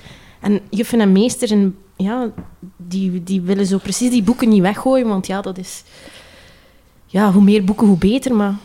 Ik, heb, uh, ik, heb ik ga ook geen, geen jas aantrekken van nee. 35 jaar oud, dus waarom nee, zou ik een boek lezen? Ik heb, ik heb uh, geoefende lezers als kinderen, daar heb ik heel veel geluk mee. Ook kinderen ja, die ook. heel graag lezen. Ik vind het dan ook jammer dat ze, dat ze in de klas toch nog naar de Geronimo Stilton voilà. grijpen, omdat dat de enige boeken mm -hmm. zijn die op dit moment beschikbaar zijn. Dan zou ik eigenlijk ook mijn uh, jeugdcollectie willen weggeven, maar die is, in de, die is helaas nog ouder dan ja. die Shaki en de chocoladefabriek. Dus... Zo, wacht, uh, jouw kinderen moeten, op, moeten een boek kiezen op school? Ja, ze, en... hebben, ze hebben daar een leeskwartier elke dag. En daar uh, zijn enkel Geronimo Stiltons beschikbaar? Allee, het is toch zo'n beetje die stijl, terwijl mijn kinderen thuis... Ja. we gaan ook vaak naar de bib of, of, naar, of naar de boekhandel, waar ze een, een, een shopping frenzy doen dan, maar daar grijpen ze toch naar de iets, ja, misschien mag ik het niet zeggen, maar toch de iets kwalitatievere ja. jeugdboeken. En op school zouden ze eigenlijk met die boeken moeten geconfronteerd worden en dat gebeurt niet. Maar het is ook zo natuurlijk dat de juffen en de meester zeggen, ja, maar met die Geronimo Stiltons krijgen we die vervelende ah. niet-lezers ook wel aan het mm -hmm. lezen. En, en mogen ze hun eigen boeken niet meenemen? Uh, ja, nee, niet, niet, dat wordt toch niet... Nee, nog Dat is nee. zo gek. Ja, Ja, mijn kinderen nemen gewoon hun eigen... We gaan naar de bibliotheek en zij, ze mogen ook boeken uit de klasbibliotheek, maar eh, Ja. ja. Ze hebben- eh, eh, mijn zoon, heeft, mijn, de, de oudste, die heeft inderdaad wel al eens boeken meegenomen, maar dat hangt ook een beetje af van juf en meesters. En we zitten nog met een hele andere problematiek op school. We zijn al blij dat, eh, dat het meestal goed draait. Dus, Mhm. Maar een super initiatief, hè. de boeken die verstopt werden. Ik had het filmpje Ja. ook bekeken. Ja, dat is leuk, hè? Het is dat eh, geocaching met boeken. Ja, voilà. Ja. Mhm. Ik vind het vooral leuk dat je dan als kind aan het spelen bent en je vindt dan een boek en dan denk je, dit is misschien een schat. En dan begin allee, dat is zo helemaal andere setting dan dat je krijgt een boek of je moet in een gigantische hoeveelheid boeken één boek nemen. De, de manier hoe dat je ermee in contact komt is helemaal Mhm. anders. Ik ken een aantal collega's willen trouwens een, een boekenclub starten bij ons op school. Eh, wij zijn een middenschool, dus enkel de eerste graad. We zouden graag een boekenclub starten over de middag, zo één keer per maand. En als er tips zijn over hoe, dat, hoe dat we moeten aanpakken, want we, we vrezen dat we als we de oproep doen, dat we geen volk gaan hebben. Maar we, we zijn enthousiast. Maar In Fons, de vorige versie Fris Onderwijs Nederlands, dat is het vaktijdschrift, was er een artikel over hoe begin je een boekenclub op school. Ja, maar het probleem is dat heel veel van, en dat is heel veel van die dingen, zijn allemaal op maat van tweede of derde graad. Vind ik heel Ja, vaak. Mhm. Heel, heel veel toffe dingen zijn, op, zijn daarvoor gericht. eh, van van ehm, toneelgroepen, hoe doe je, tot, tot debatgroepen, allemaal tweede en derde graad. Eh, heel vaak, als je voorbeelden in de pers of media ziet van dingen, ook allemaal hogere leeftijd. Heel logisch natuurlijk, want daar kan je ook meer, alleen nee, niet meer mee, maar dat soort van dingen beter mee doen. Ehm, maar dus we willen het doen in onze eerste graad. Eh, hoe en wat, dat weten we niet. Het enige idee is, we willen met een groepje leerlingen die graag lezen, willen we lezen. Contacteer VZW De Dagen eens. Dat is een fantastisch initiatief ehm, van mensen die eigenlijk in kleine groep op eh, heel toegankelijke locaties, een bibliotheek, maar ook op veel minder evidente settings, ehm, samen gaan lezen. Ehm, laagdrempelig. En zij zijn ook zoekende naar manieren om dat in scholen te integreren. En in Sint-Niklaas, maar ik weet niet wie dat daar de trekker van de actie is, maar daar is een grote voorleestour over Ja, de scholen heen. Juist, ja. Dus daar zou je eventueel ook wel wat ideetjes kunnen eh, halen, denk ik. Oké, dankjewel. Ken jij ehm, Jeroen van Houten op Twitter? Ik zal je zijn contact geven. Hij is op school ook heel erg bezig met lezen. Ze hebben daar... ehm ehm, er is zo'n actie, ja, ik ben even de naam van de actie, zo'n take a book and read of zo, of drop, of drop everything and read, denk ik dat het is. Ja, vrij, ja, het vrij lezen zo waarschijnlijk. Ja, maar dat is zo'n moment dat ze dus globaal lezen op school. En eh, hij is er heel erg voorstander van. Eh, heel inspirerend wat mij betreft. Dus misschien kun je ook eens even bij hem... Leuk. Ik denk ook wel in de hogere graden, maar... eh, Misschien broedt hier plotseling iets bij mij. Maar ehm, mijn ex-collega's, eh, allee, dezelfde afdeling zoals klasse, dat is cultuurkuur. En er is een eh, netwerk lezen voor leerkrachten in het basisonderwijs. Maar eigenlijk vind ik dat wij misschien ook een netwerk lezen of zo zouden moeten kunnen Vlaanderen breed oprichten eh, voor bijvoorbeeld eerste graad. Of dat de connectie Om de maken. connectie maken met dat netwerk van Want dat- basisonderwijs. Ik weet niet hoe dat bij jullie is, maar daar zit toch ook vaak nog iets zo van die overgang van Mhm. Ja, ja, basisonderwijs ja, ja. naar eerste graad. Ik denk eh, zeker wat, bij, wat lezen betreft dat daar ook nog wel eh, enkele openingen eh, te maken zijn. Ik denk dat het een kwestie is om er samen over na te denken en het weer niet alleen te doen. Ja, zeker, dat zijn we aan het doen. Maar eerst gaan we een bibliotheek eh, bouwen. Allee, bouwen. Ja.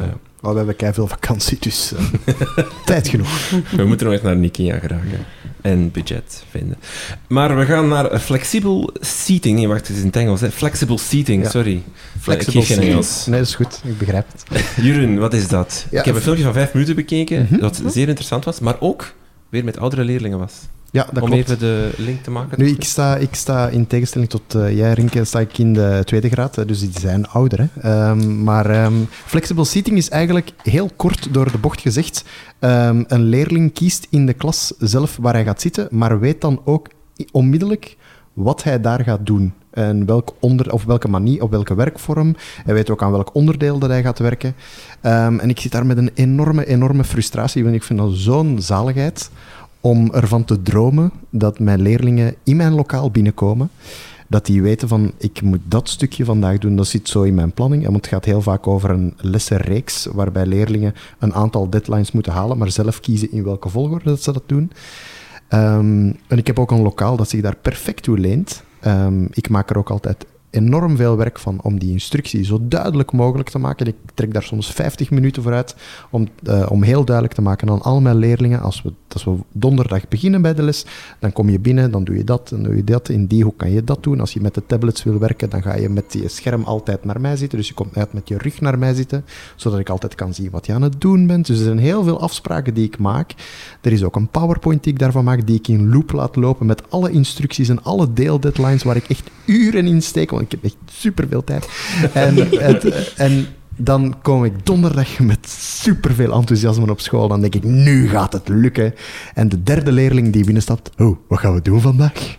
En dan valt eigenlijk alles in elkaar, want dan moet ik met die leerling eigenlijk weer alles overlopen, hoe raar dat ook is. Maar die, precies, die zijn op woensdagnamiddag ergens ja, van de wereld geweest of zo. Die hebben ergens in een ander donker kot gezeten en komen daar echt als, als infantiel uit. Ik weet het niet. Ik, eh, ik, zit daar met zoveel vragen aan experts, denk ik dan. Ik zie zoveel experts uh, op, op, op sociale media of op het internet die zeggen van zo moet het en zo moet het.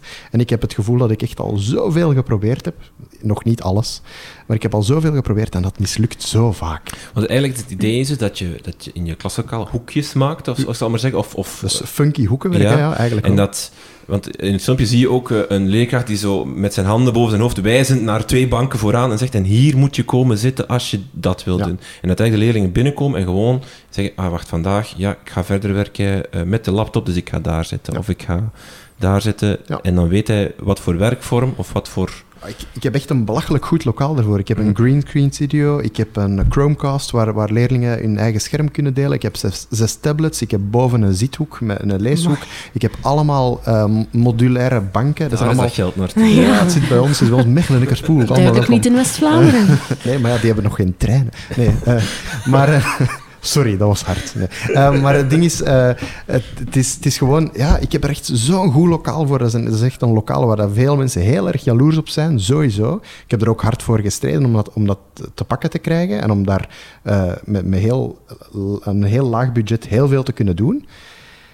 En, en ja, er zijn heel veel leerlingen, pas op, die het wel zien zitten. Hè. Maar het zijn zo altijd, zijn, op een groep van 24 zijn er toch altijd een viertal die eigenlijk meer met hun hoofd in de wolken zitten en, en eigenlijk niet goed... Ze moeten ook niet constant aan het werk zijn. Dat, dat, is, dat is utopisch, dat kan ook niet. Dat, daar, daar, daar pin ik mij ook niet op vast. Maar gewoon, het, het, dat, ik heb het gevoel dat onze leerlingen zo weinig uh, zelfredzaamheid, dat is ook mhm. zo'n modewoord. Hè? Ik, ik, heb het gevoel dat die dat helemaal verloren zijn. Ik was eigenlijk heel erg naar jou, toen jij begon en jouw uitleg deed, dacht ik, wow, mijn mond viel eigenlijk even open. En toen hoorde ik jou zeggen dat ik eigenlijk al heel tijd... Mijn leerlingen zouden donderdag binnenkomen en zeggen... Eh, wat gaan we vandaag doen? Ja, en dan zei je dat ook echt...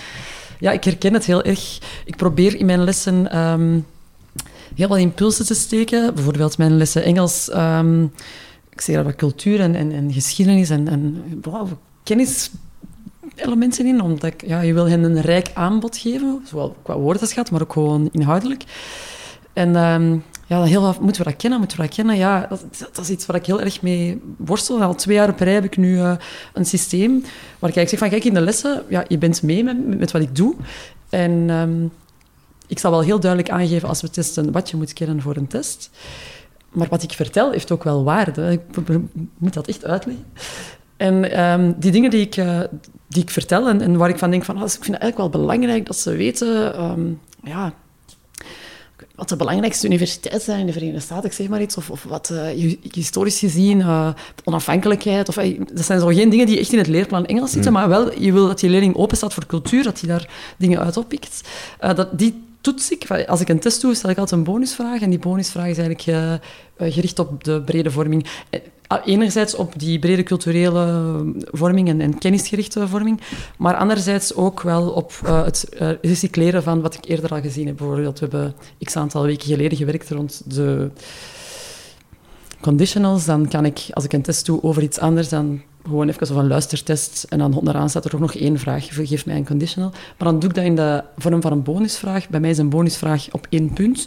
En ze kunnen een punt scoren, halen ze de vraag niet, verliezen ze niks. Dus ze krijgen geen nul, omdat ik het uh, echt low stake wil halen.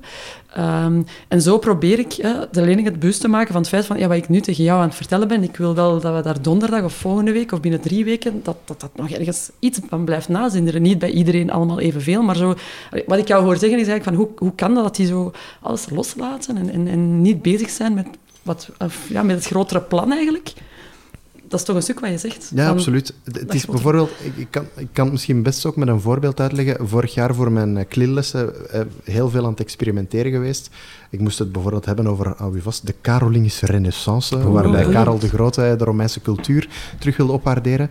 En ik had dat ingekleed als, uh, lieve jongens en meisjes, ik heb een doos gevonden op mijn zolder. Dat, ik denk dat dat van mijn opa is. Nu, mijn opa was een supergrote van van Karel de Grote. Ehm, maar die was echt gefascineerd door zo'n vraag van... Die Karel de Grote, wat heeft hij nu in godsnaam met die Romeinen? Nu, ik denk dat ik zijn notities gevonden heb, maar ik heb eigenlijk niet het antwoord op de vraag.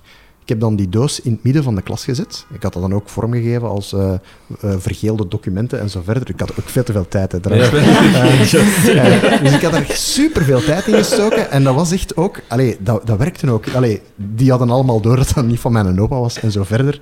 Maar die waren wel direct mee. Hetzelfde met de vikingen. Ik had een, een, reizende tentoonstelling gemaakt van de vikingen. Met allemaal exhibitions en, en delen van, van een tentoonstelling. Maar ik had ook gezegd... Ja, mannen de Roger heeft die doos open gedaan. En de Roger, dat is zo, zo gezegd de conciërge op, van, van alle musea in Vlaanderen. En de Roger had de labels verkeerd gangen. Dus die moesten echt gaan onderzoeken, oké, wat is een astrolabium? En die moesten dan gaan zoeken, oké, die moesten het etiketje gaan hangen bij een astrolabium. Of die moesten uh, bij een broche uh, ook zorgen. En dat ging dan over woordwerving, want dat gaat dan over uh, mm -hmm. nieuwe Engelse woorden. En dat was zo leuk. En dat zijn allemaal zo'n apart. Allee, dat zijn zo'n leuke dingen, maar dat zijn eigenlijk dingen waarbij ik hen gewoon aan het werk wil zetten. En, en op een kleinere schaal zou ik dat ook willen doen in mijn lessen Nederlands. Van hier zijn wat krantartikels en ik wil eigenlijk gewoon komen tot teksttypes en tekstdoelen, zonder dat ik uh, met heel de klas uh, heel veel energie verlies met, van, uh, of staat te doseren. Dus ik wil zo heel veel, ik doe dat heel graag, zo van die kleine deelactiviteiten, maar ik, mm -hmm. ik kan dat niet in één keer managen. Dus ik, ik ik wil eigenlijk heel veel verantwoordelijkheid bij hen leggen. En ik merk dat ik daar eigenlijk 50 minuten mee verlies met gewoon al uit te leggen van wat verwacht ik nu. Maar ik mag er dus blijkbaar niet op rekenen dat mijn leerlingen, zelfs al staat het... Allee, ik, ik hoop, ik, ik zou het willen, hè, dat ik erop zou kunnen rekenen. Maar ik, ik, vind dat, ik, ik heb dat zo moeilijk, met die zelfredzaamheid van leerlingen. die, die, ja, dat, dat vind ik, ik vind dat echt iets waar ik, ik worstel daar heel hard mee. Ja, ik vraag me een beetje af of in hoeverre dat we dat al kunnen verwachten van een leeftijdsgroep uh, 15, 14, ja. 15 jaar. Dat is een beetje de, dat is eigenlijk de zelfsturing waar jij het over hebt, ja, ja. denk ik. Het, het zijn leerlingen tussen de 14 en de 18. Het hangt af van hun motivatie om in het vierde jaar te zitten. Dat al helemaal ontwikkeld is eigenlijk ook. Nee, dat is waar. Maar bijvoorbeeld, uh, want ik, heb daar, ik zit dan in drie vakgroepen. Um, eh, bijvoorbeeld in de vakgroep geschiedenis heb ik wel vaak al gediscussieerd. Um, wij moeten dan aan uh, historisch bronnenonderzoek doen. Um, en wij doen dan in oktober, nemen wij teksten over de Hunnen en de Germanen, maar dat is dan geschreven door een Romein die de Hunnen nog nooit gezien heeft. Maar dat is iets dat ik in mijn lessen Nederlands, dus in het derde jaar waar ik dan Nederlands geef, eigenlijk pas echt toekom, februari, maart. Dus ik kan eigenlijk niet verwachten, want dat is dan een examenvraag, kerstmis, geschiedenis, derde jaar. Hè. Werk eens met die documenten en beantwoord die kritisch lezen vragen eens. Dus we zijn daar opnieuw op aan het oefenen, hè, met al die graadleerplannen en die cyclische toestanden. Um, in de eerste graad hebben ze dat geoefend op een bepaalde manier. In de tweede graad gaan we dat verdiepen. Maar daar, is toch, daar is ook nog werk aan de winkel. Ze maken geen transfer, nee, zeggen? Nee. Bijvoorbeeld, wij proberen nu zo heel veel, als we het hebben over zakelijke teksten, proberen wij, bijvoorbeeld in mijn 4 LO en sportklassen, dat zijn dan de TSO-richtingen, die hebben, die hebben mij zeven uur per week, dus ze zijn echt strontbeu na een week. Maar ik, als ik daar wil werken met, met goede teksten, ze hebben ook natuurwetenschappen, wat ze heel vaak ervaren als een moeilijk vak, omdat dat een drie-uursvak is waar zij heel vaak door teksten moeten worstelen. Ja, ik probeer zo, zoveel mogelijk te verwijzen naar van en in je cursus natuurwetenschappen en zo verder. Maar zelfs dan zie je dat eigenlijk... Dat, is, dat ik dan moet zeggen van, je moet dat daar gaan toepassen, die strategie, want ja, het is... Uh... Transfer is sowieso iets, iets gigantisch ja. moeilijk. Ja. Om, om, om, alles ik Ja, ik was ook aan het denken van... Ja, Het is moeilijk. ja. kunnen we het verwachten? En, Ja. Maar ja, de verwachting moet hoog liggen. Ja, maar ik, Dat- ik, Ja, ja. ik, ik vind dat met die flexible seating vind ik heel moeilijk, omdat ik hen, naar mijn gevoel, toch aan het opleiden ben. Want ik neem kleine stapjes, maar zelfs die kleine stapjes doen mij soms toch zoiets hebben in november al mannetjes. Eh, we gaan toch dat traditioneel hoekenwerk En ook misschien- bij hoeveel andere leerkrachten zijn ze gewoon om zo te werken. Dat vind ik inderdaad, want we hebben vorig jaar, ik en een collega, anders gewerkt door, door eh, drie uur Nederlands na elkaar te zetten en ook met dat soort van manier van werken, met eh, je kan dan daar gaan zitten of daar. En je merkt gewoon dat dat Voor de helft gaat over gewoon attitude. Allee, over we zijn dit niet gewoon, wat moeten we nu doen? Ah, we mogen samen, dan gaan we wat babbelen. Terwijl, ja, maar je moet wel voortdoen, want je moet het wel af hebben. En je, wij, hebben gewoon na een jaar gezegd van drie uur is te weinig. En we moeten dit op grotere schaal doen als we dit echt als attitude of als manier van werken willen introduceren. En dan vind ik wel dat je een vraag kan stellen, wat, want wat wij deden is wel iets wat heel veel lagere scholen wel doen.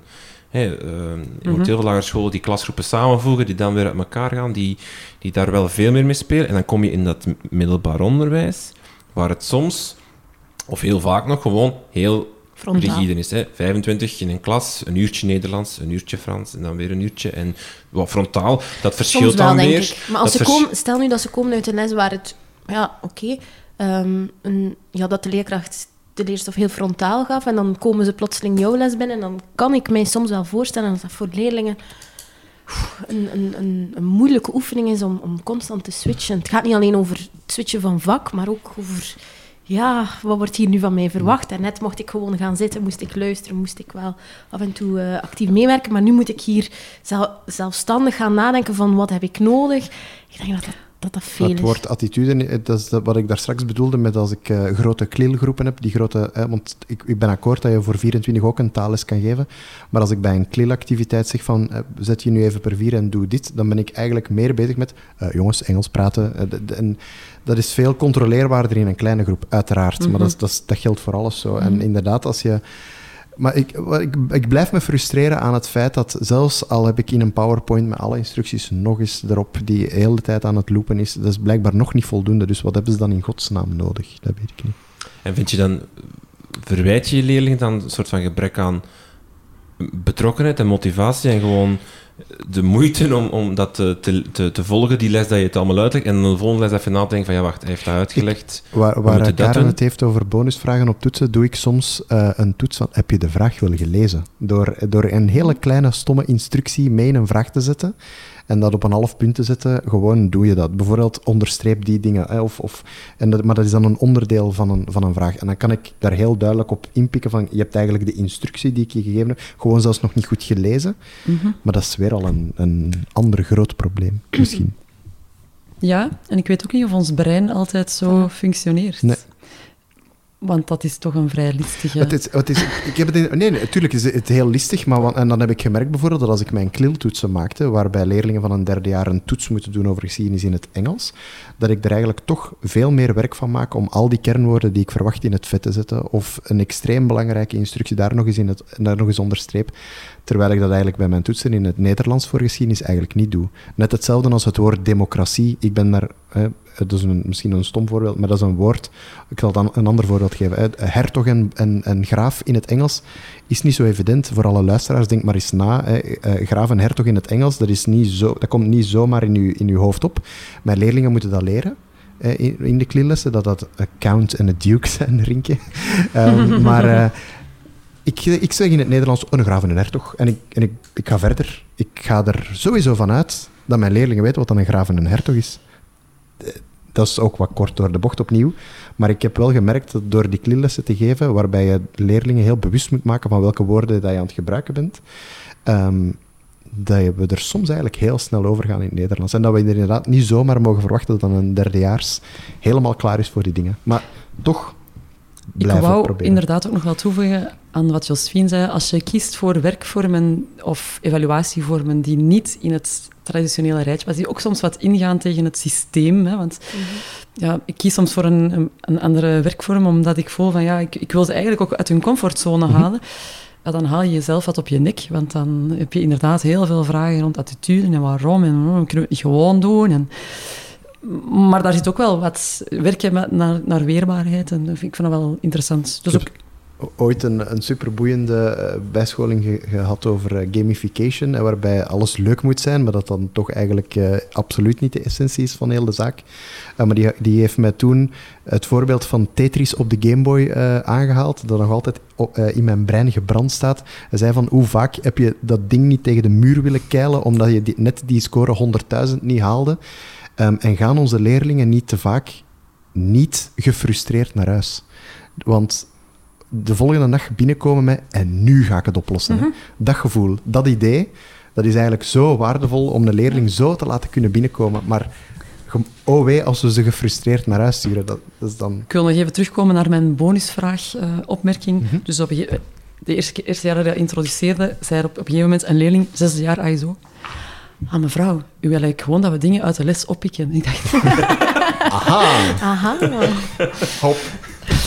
Ja, hou vol, hierin. Ja, ik, ik, kom er, ooit kom ik er. Ja, zeker weten.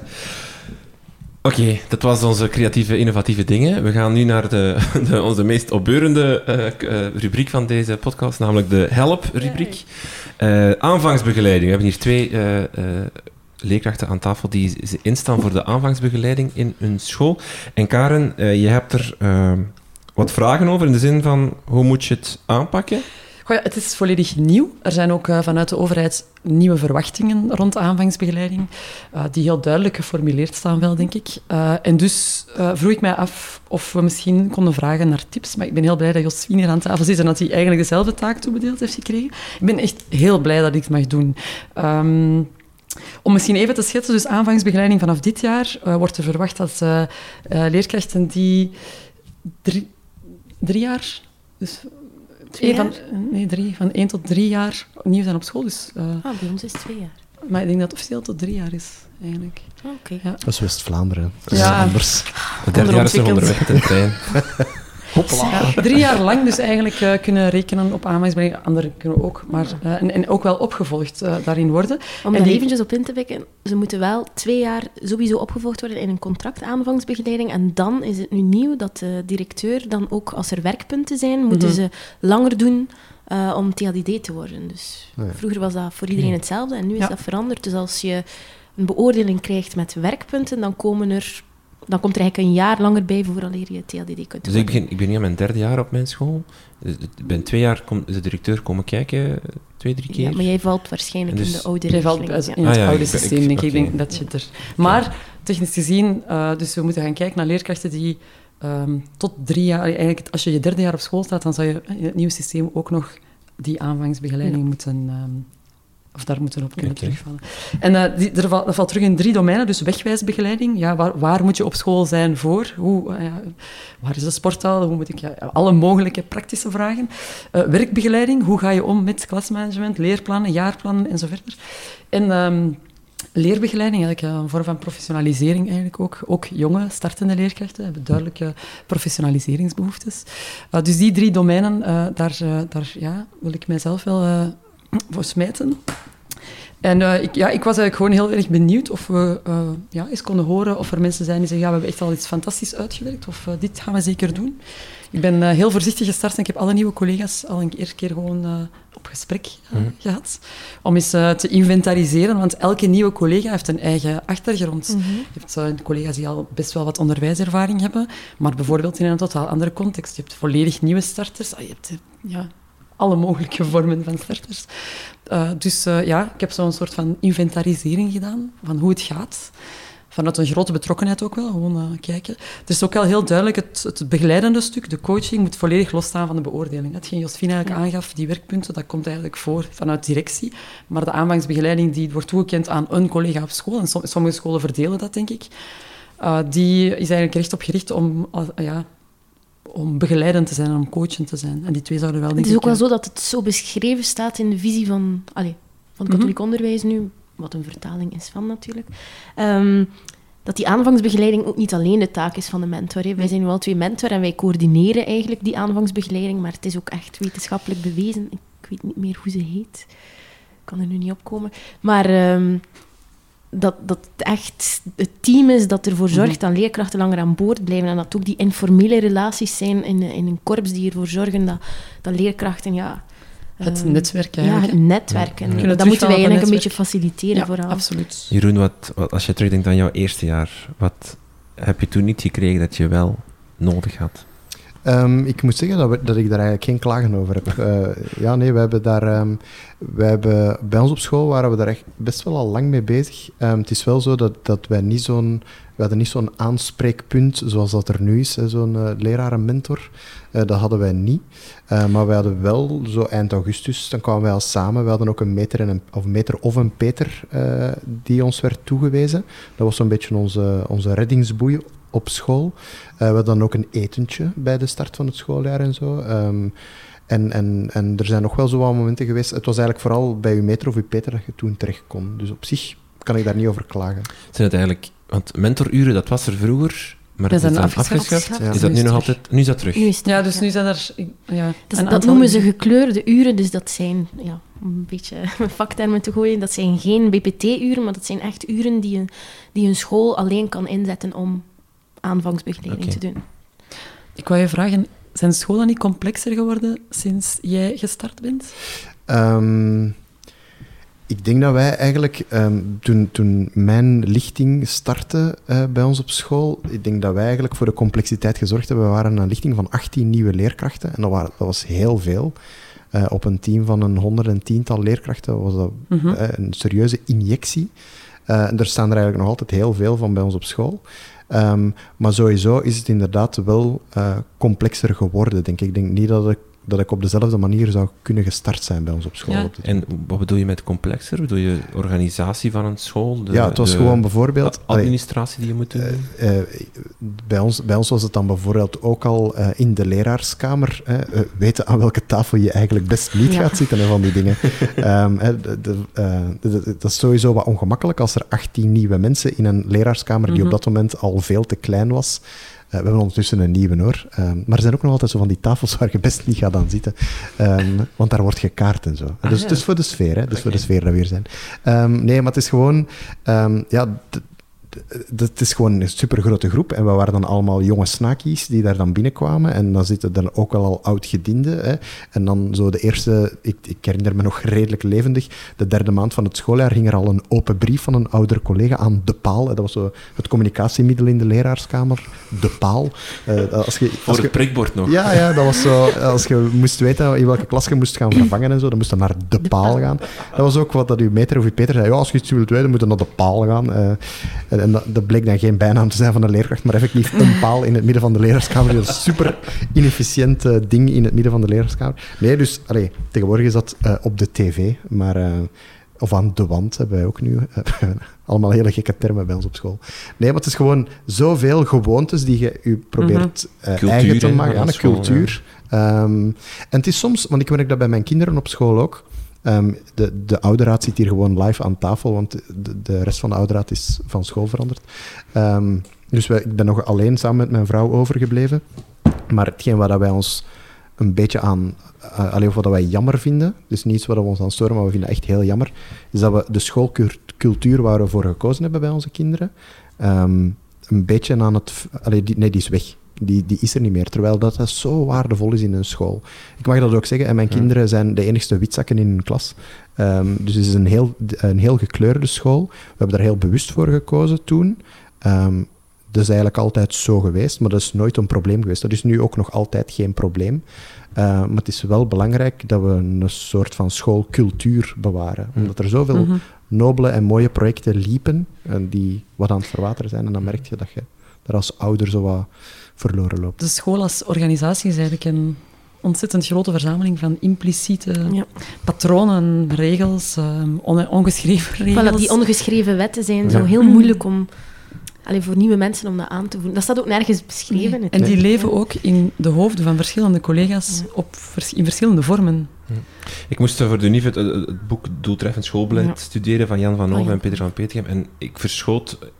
ehm, in het begin vond ik het een moeilijk begrip, hè, schoolcultuur. Maar het, het, ze gaan uit van een aantal pijlers, denk een achttal pijlers voor goed uh, schoolbeleid. En bij elke pijler komt het, het, begrip schoolcultuur. Hoe moet je daarmee omgaan met de schoolcultuur? Het is, het is een gigantisch belangrijk begrip in, in, in zo'n mhm. boek, wat ik in het begin niet begreep van, wat heeft dat er nu mee met beleid te maken? Je moet toch gewoon goed beleid voeren, maar je kan het ene niet wegkoppelen van het andere. Je kan niet tegen een schoolcultuur, of je kan het wel een beetje, maar je moet daarmee rekening houden dat dat er is en dat dat niet zo onverwinbaar is. Ik ga even testen of mijn eh, directie gaat luisteren naar deze podcast, maar het is volgens mij super belangrijk om daar als directie uh, een heel duidelijke lijn in te zoeken. Um, en dat, dat, mag soms mislukken, maar het is ook super belangrijk dat, het, dat, dat uw leerkrachten het gevoel hebben dat er een soort van management, misschien is dat een te hoge verwachting van mij, maar dat er echt een soort van management achter, achter uw lerarenkorps, uh, lerarenkorps zit. Ja. Um, zij zijn de belichaming van... Dat klinkt super christelijk. Uh, dus zij, zij zijn de belichaam van de schoolcultuur. Zij zijn degene die de, de leiding nemen. Um, en we hebben daar als leraar ook een superbelangrijke taak in. Maar daar denk ik dan een als het gaat over is onze school veranderd, ik denk inderdaad dat van een directie tegenwoordig eerder lijkt op een managementsfunctie dan mm -hmm. op Kun je dan een voorbeeldje geven van wat je dan exact bedoelt? Van wat, allez, wat verwacht je dan uh, van je directie? Um, het is bijvoorbeeld, we hebben, goh, um, we hebben bijvoorbeeld vorig jaar hadden we heel veel last van vandalisme in, uh, in lokalen. Um, en dan werd er wat gegoocheld met een lokaal verantwoordelijke uh, module, hè, waarbij iedere leerkracht een, een, lokaal toegewezen kreeg, maar waarbij ook leerlingen werden ingeschakeld en zo, maar dat na een maand opgegeven, omdat het eigenlijk niet werkte. Dat was toen echt zo een beslissing van bovenaf, terwijl dat, dat eigenlijk niet het gevoel was dat bij het lerarenkorps en bij de leerlingen leefde.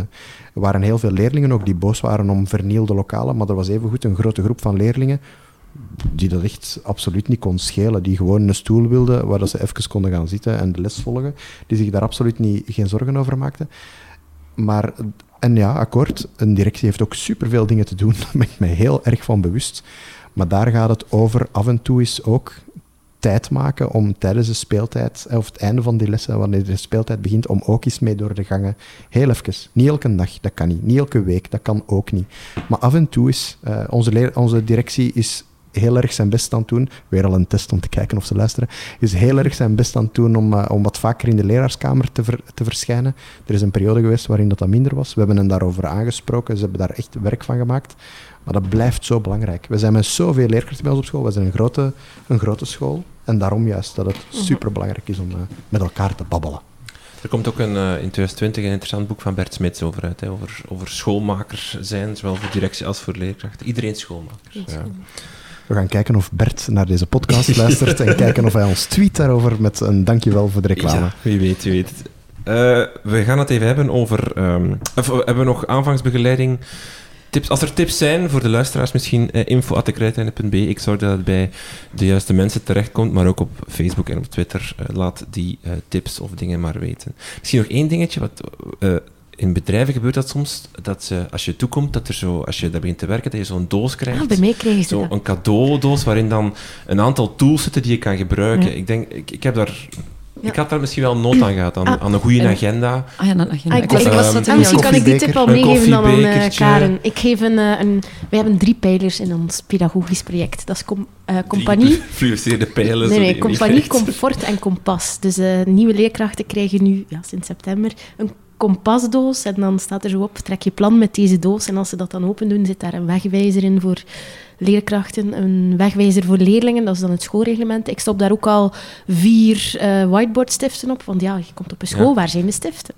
Um, er zit 20 cent in om uh, een koffietje te drinken en een chocolaatje.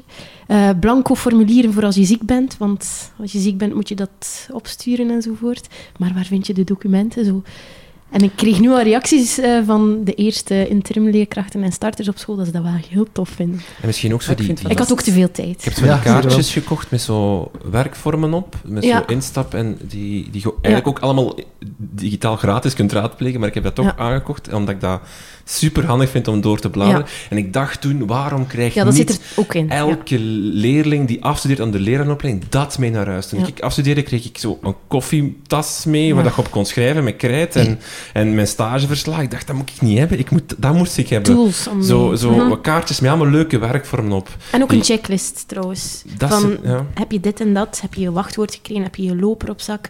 Gewoon alles netjes op een rijtje dat je kan zeggen van oké, ik kan starten.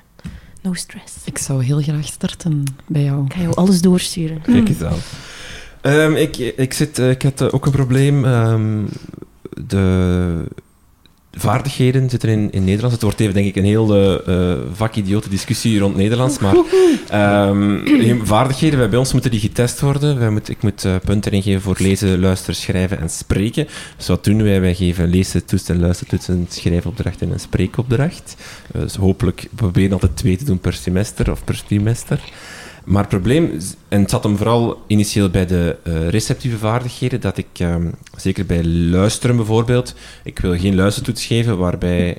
De vorm zoek ik, ben ik zoekende, in de zin dat ik, ik wil luisteren testen. Ik wil niet hun memoriseertalent, van ze kijken naar fragmenten en moeten ze daarna de toets invullen, dus dan is het gewoon de vraag, wat hebben we nog ont- onthouden? Ik wil dat ze begrijpend luisteren testen. Dus ik zoek naar, naar vormen, manieren, naar vraagstellingen. Eh, De, de initiële start van deze discussie was mijn vraag op Twitter over kan je woordenschatvragen stellen op een leestoets, omdat je dan eigenlijk voorkennis of woordenschat aan het testen bent en niet begrijpend lezen. Daar kwam wel wat reactie op van dat kan wel of dat kan niet. Ik, de, de- ik denk dat ook de, nu de reactie gaat komen van waarom test je het apart en waarom niet eh, samen bijvoorbeeld. En die reactie is ook geweest. Dus ik vind het, ik vind het een gigantisch moeilijk eh, onderwerp om vaardigheden goed te toetsen. Eh, je hebt ook het artikel naar mij getweet van, van klassen over hoe, hoe, hoe test je competenties. Ehm, ja, ik heb dat gelezen en ook, ook veel vragen over, ook niet helemaal uit. Dus ik, ik vind het een hele moeilijke. Je opent de box van Pandora, volgens mij. Ik, het is gigantisch moeilijk om eh, vaardigheden, om daar denk ik... Ik had Hoe meer je erover open dat nadenkt- Pandora een doos was waar Nee. effectief vaardigheid Zoals die tussen kompas. Ja, ik had echt dat het aan een website was. zo. Pandorados.be. Sorry.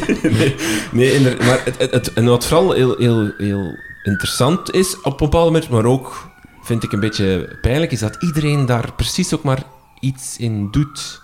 Mhm. Ehm, ik, ik heb al 16 keer de eindtermen gelezen voor Nederlands en ik vind dat daar heel vaag in staat wat nu... Of de leerplannen, sorry, de leerplannen eh, gelezen waarin staat wat moeten ze nu kunnen voor lezen en dan staat er...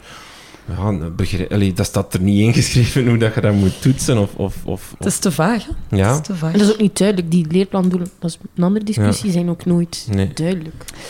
Kijk, ik, eh, ik worstel hier al ehm, enkele jaren mee. Ik ben blij dat je het op tafel ligt. Ehm, ik denk, leesvaardigheid, als je daarover nadenkt, hoe meer je daarover gaat lezen, wetenschappelijk, Ja, dan kom je eigenlijk tot de vaststelling dat als je leesvaardigheid toetst, dat je gewoon wereldkennis toetst. Eh, als je een, te- een tekst aan een leerling geeft die, ehm, waar die eigenlijk veel over af weet, als je een leerling die voetbalt en die heel veel over, een tekst gaat over voetbal, dan gaat die leesvaardigheid hoog scoren. Ja. Want zijn kennis, wereldkennis op vlak van die, het onderwerp van die tekst is, is goed.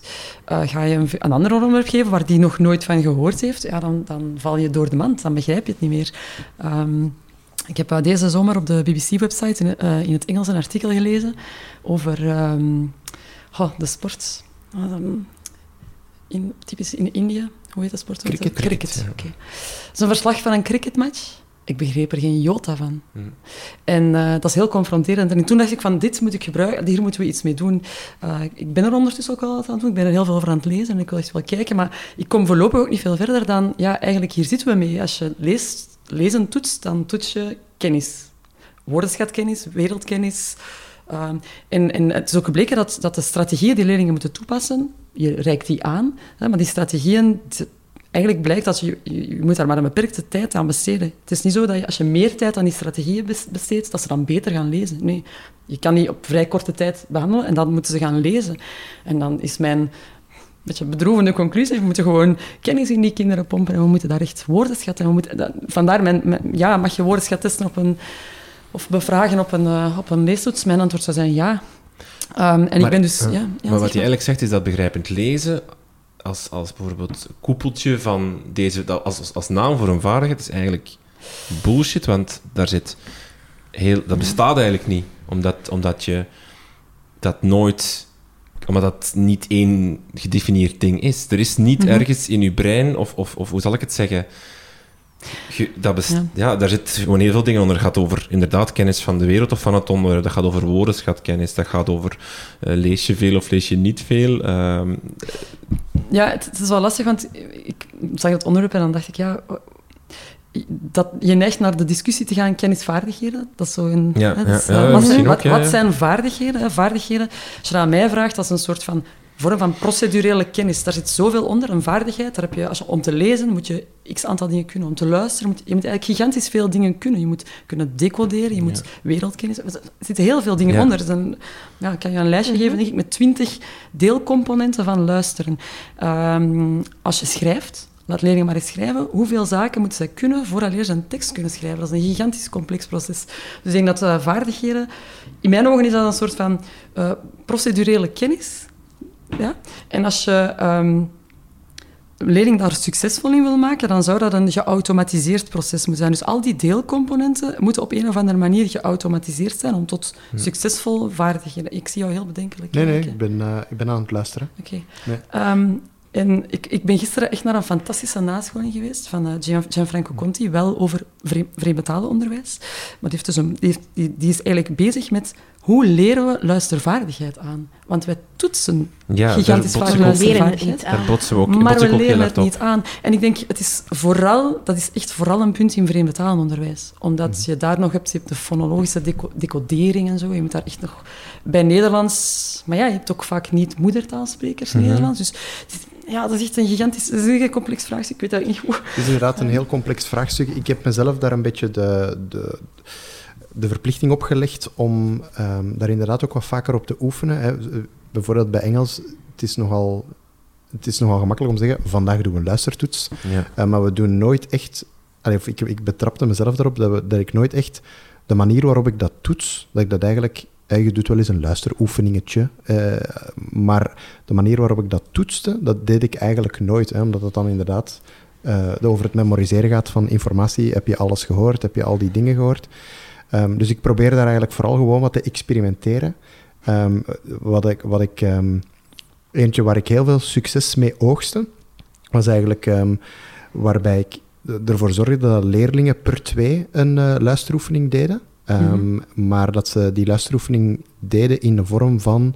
Uh, ze moesten een QR-code scannen, dat leidde hen dan naar een uh, YouTube-kanaal waar ik grote fan van ben. Uh, Great Big Story, dat kan dan ook in de show notes. Um, en dat, dat zijn allemaal hele korte documentaires in het Engels. Super leuk, gaat over heel veel verschillende thema's. zij moesten dan met die QR-code aan de slag, moesten dat dan scannen, maar moesten dan zelf een paar vragen gaan verzinnen voor collega's uit de klas. Um, ze moesten de vragen dan opschrijven, maar de antwoorden die kwamen onderaan op het werkblad. En nou u vast voor deze revolutionaire techniek. Ze moesten het werkblad in twee knippen, zodat het antwoord verdween van het, uh, van het werkblad. Dan werd dat doorgegeven aan anderen, die scanden dan uh, opnieuw dat filmpje, die kregen dan de vragen. Dan kwam dat terug bij die anderen, die, waren, die zijn daar super, super hard mee bezig geweest, super leuk mee bezig geweest. En effectief was hij dan daarna op dezelfde manier een toets doet, was het veel beter. Dus het gaat inderdaad heel vaak over oefenen, oefenen, oefenen. Mhm. Maar we doen dat eigenlijk te weinig. Oefenen, en ik denk ook misschien niet de meest... Ja, inderdaad, klassiek gewoon een fragment laten zien en daar vijf vragen, vaak mm. kennisgerichte vragen, of inderdaad het, waar je eigenlijk het werkgeheugen gaat checken. Ja. Ze een, kunnen ze, hoeveel dingen kunnen ze in hun werkgeheugen mijn, houden? Mijn idee is nu zo, dat ik... Want wij werken ook met basis en verdieping voor de vaardigheden. Dus, uh, en basis, dat denk ik voor mij is, is zoekend lezen eerder. Namelijk uh, dingen die letterlijk in de, de tekst uh, mm-hmm. of in het fragment aan bod komen. Dat, dat, die toets krijgen ze, ze mogen die vragen lezen. Ik laat het fragment zien, ze mogen schrijven terwijl dat ze kijken, wat ik al een, een tricky van vind, maar oké. Okay, omdat ik niet wil dat ze het moeten onthouden. Ik wil dat ik vraag hoeveel kost A, dan wil ik dat ze gewoon, als ze horen A, A kost zoveel, dat ze dat gewoon kunnen opschrijven dat, dat, dat ze dat gehoord hebben. Ze hebben zoekend geluisterd, ze weten het. En dan verdieping is voor mij intensief lezen meer, naar, of naar kritisch lezen. Dat, en dat krijgen ze de vragen niet op voorhand. Moeten ze, uh, maar wel mogen ze wel noteren op een kladblad. En, en wil ik meer structurele vragen stellen. Dat is op dit moment... Maar kan ik ook testen of mijn leerlingen luisteren naar mijn toets en naar deze podcast eigenlijk. Maar dat is op dit moment mijn idee. Maar het gaat er ook over wat je test, want uit het leerplan je kan bijvoorbeeld luisteren, uh, evalueren op structurerend niveau, op beoordelend niveau. Bijvoorbeeld op structurerend niveau, dan beluisteren ze deze podcast ik zou het niet aanbevelen, het duurt veel te lang. Eh, en dan moeten ze dat in een schema gaan gieten, bijvoorbeeld. Dat is op Mhm. structureel niveau. Maar ze kunnen ook op beoordelend niveau. Hoe spreekt meneer Van Hoek? Ja. Is Ja. het? Ja. Ehm, ja, dus het is een beetje te zien wat, welk doel test je. En om nu een keer op deze podcast terug te keren, hè, ik vind dat altijd zoiets... Bij, en ik probeer na te denken, hoe luister ik als ik straks naar deze podcast luister? Ik zat nu wel vandaag aan tafel. Eh, er zijn er al van alles van interessante dingen eh, genoemd geweest. Ik ga iedere keer gewoon terugspoelen om het op te schrijven. Want, Mhm. ja, Ja, ook dat is iets wat... maar waar waarom laten we onze leerlingen dat dan precies niet doen soms? Allee, bij mij mogen ze dikwijls een aantal keer luisteren, zoveel als ze nodig hebben. En ik schrijf het er wel op. Jij had vier keer nodig om alle vraagjes te beantwoorden, terwijl dat jij het in één keer kon. Ja, Ook dat, geeft je informatie, dus misschien moet je ook een beetje durven loskomen voor, voor Is dan, iedereen hetzelfde. of- is het dan opnieuw niet een beetje de oefenvraag? Want ehm, podcasts, we, liep- we liepen achter in Vlaanderen. Er zijn er eigenlijk... Het is de laatste jaren een beetje aan het boomen. Ehm, maar eh, eigenlijk lopen we heel erg achter op de rest van de wereld, waar podcasts eh schering en inslag zijn. Ehm, maar onze leerlingen zijn ook niet zo per se geoefend in radio luisteren Mhm. of een gesprek luisteren. Dus het zal misschien toch allemaal eh, neerkomen op oefenen.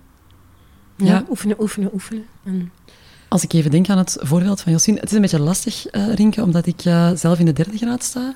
En ik vind dat, ja, dat de complexiteit van de taken, of de aard van de taken, toch wel fundamenteel verschillend is dan Ja, wat ja, jij doet, zeker, denk ik.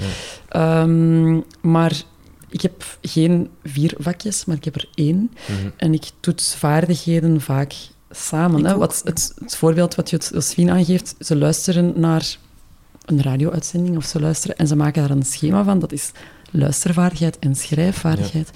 Ehm, vaak Zeg, heb zou ook kunnen, hè? moet ik gewoon op een manier vinden dat, ik- dat, dat ik daar een, die punten uit elkaar kan trekken voor het systeem. Wat maar eigenlijk gaat ook- het om doelen, hè. Ja, maar, ja, maar, ja, maar daar, dat vind ik de, de grote discussie... Ja, misschien ja. het grotere probleem zit hem hier toch eigenlijk in een soort van theorie versus realiteit. In de zin van, ik, ik vind het allemaal prachtig, hè, die, die leerplannen en die eindtermen. En in doelen denken. Alleen, en dat denk ik toch wel dat de realiteit is voor 99% van de scholen in Vlaanderen. Die werken met, met een puntensysteem, met onderverdelingetjes en met, met, met hoe noemt dat, eh, weegschaaltjes. Nou, het ene weegt zoveel door en het andere zoveel. Dus je moet op een gegeven moment naar een soort van concreet punt komen. Mhm. En in het artikel dat jij ehm me doorgestuurd hebt van op klasse, zeggen ze ook heel duidelijk van stop met, dat, met die onderverdelingen te maken, met die, met die componenten en ga gewoon uit van je eigen expertise en plak daar een cijfer op. Want dat, is, dat was vroeger zo. Vroeger kreeg je gewoon je taak terug, daar stond op 9 op 10 en misschien goed zo bij en geen idee waar het vandaan kwam. Dan hebben ze eh, ru- rubrics uitgevonden of zo eh schemaatjes waarop de allemaal die componenten staan. Maar ook dat vind ik niet echt werken, want dan heb ik hem soms een heel slechte schrijftaak die toch nog 8 op 10 scoort, omdat die componenten niet goed uitkomen. Allee, dus dat Ja. vind ik een hele En moeilijke. dan ga je zoeken. Hè. En dan ga je zoeken en dan is het ook niet juist bezig. Hè. Dan is het ook aan het... Aan, het- aan, aan, Ik herken het volledig. Ja. Natuurlijk. Het is, eh, ja, ik, iedereen herkent dat. Eh, ik, ik vond het eh, gigantisch eh, geruststellende aan dat artikel, dat het effectief ook zei, ga eens gewoon ook uit van je buik. Ja, ja, dat, ja. dat was voor mij echt een... ehm, ja, daarom zou ik dat artikel met iedereen willen delen. Maar om dan terug te komen op ons gesprek ooit in de podcast twee jaar geleden, daar ging het ook heel hard niet over punten, maar ging het wel heel vaak over schrijfopdrachten of dat soort dingen. En dan was het ook van, je wilt eigenlijk die leerling daar beter in maken. Dat is eigenlijk, het, dat is eigenlijk je doel, wat je wilt doen. Je wilt een leerling beter doen schrijven.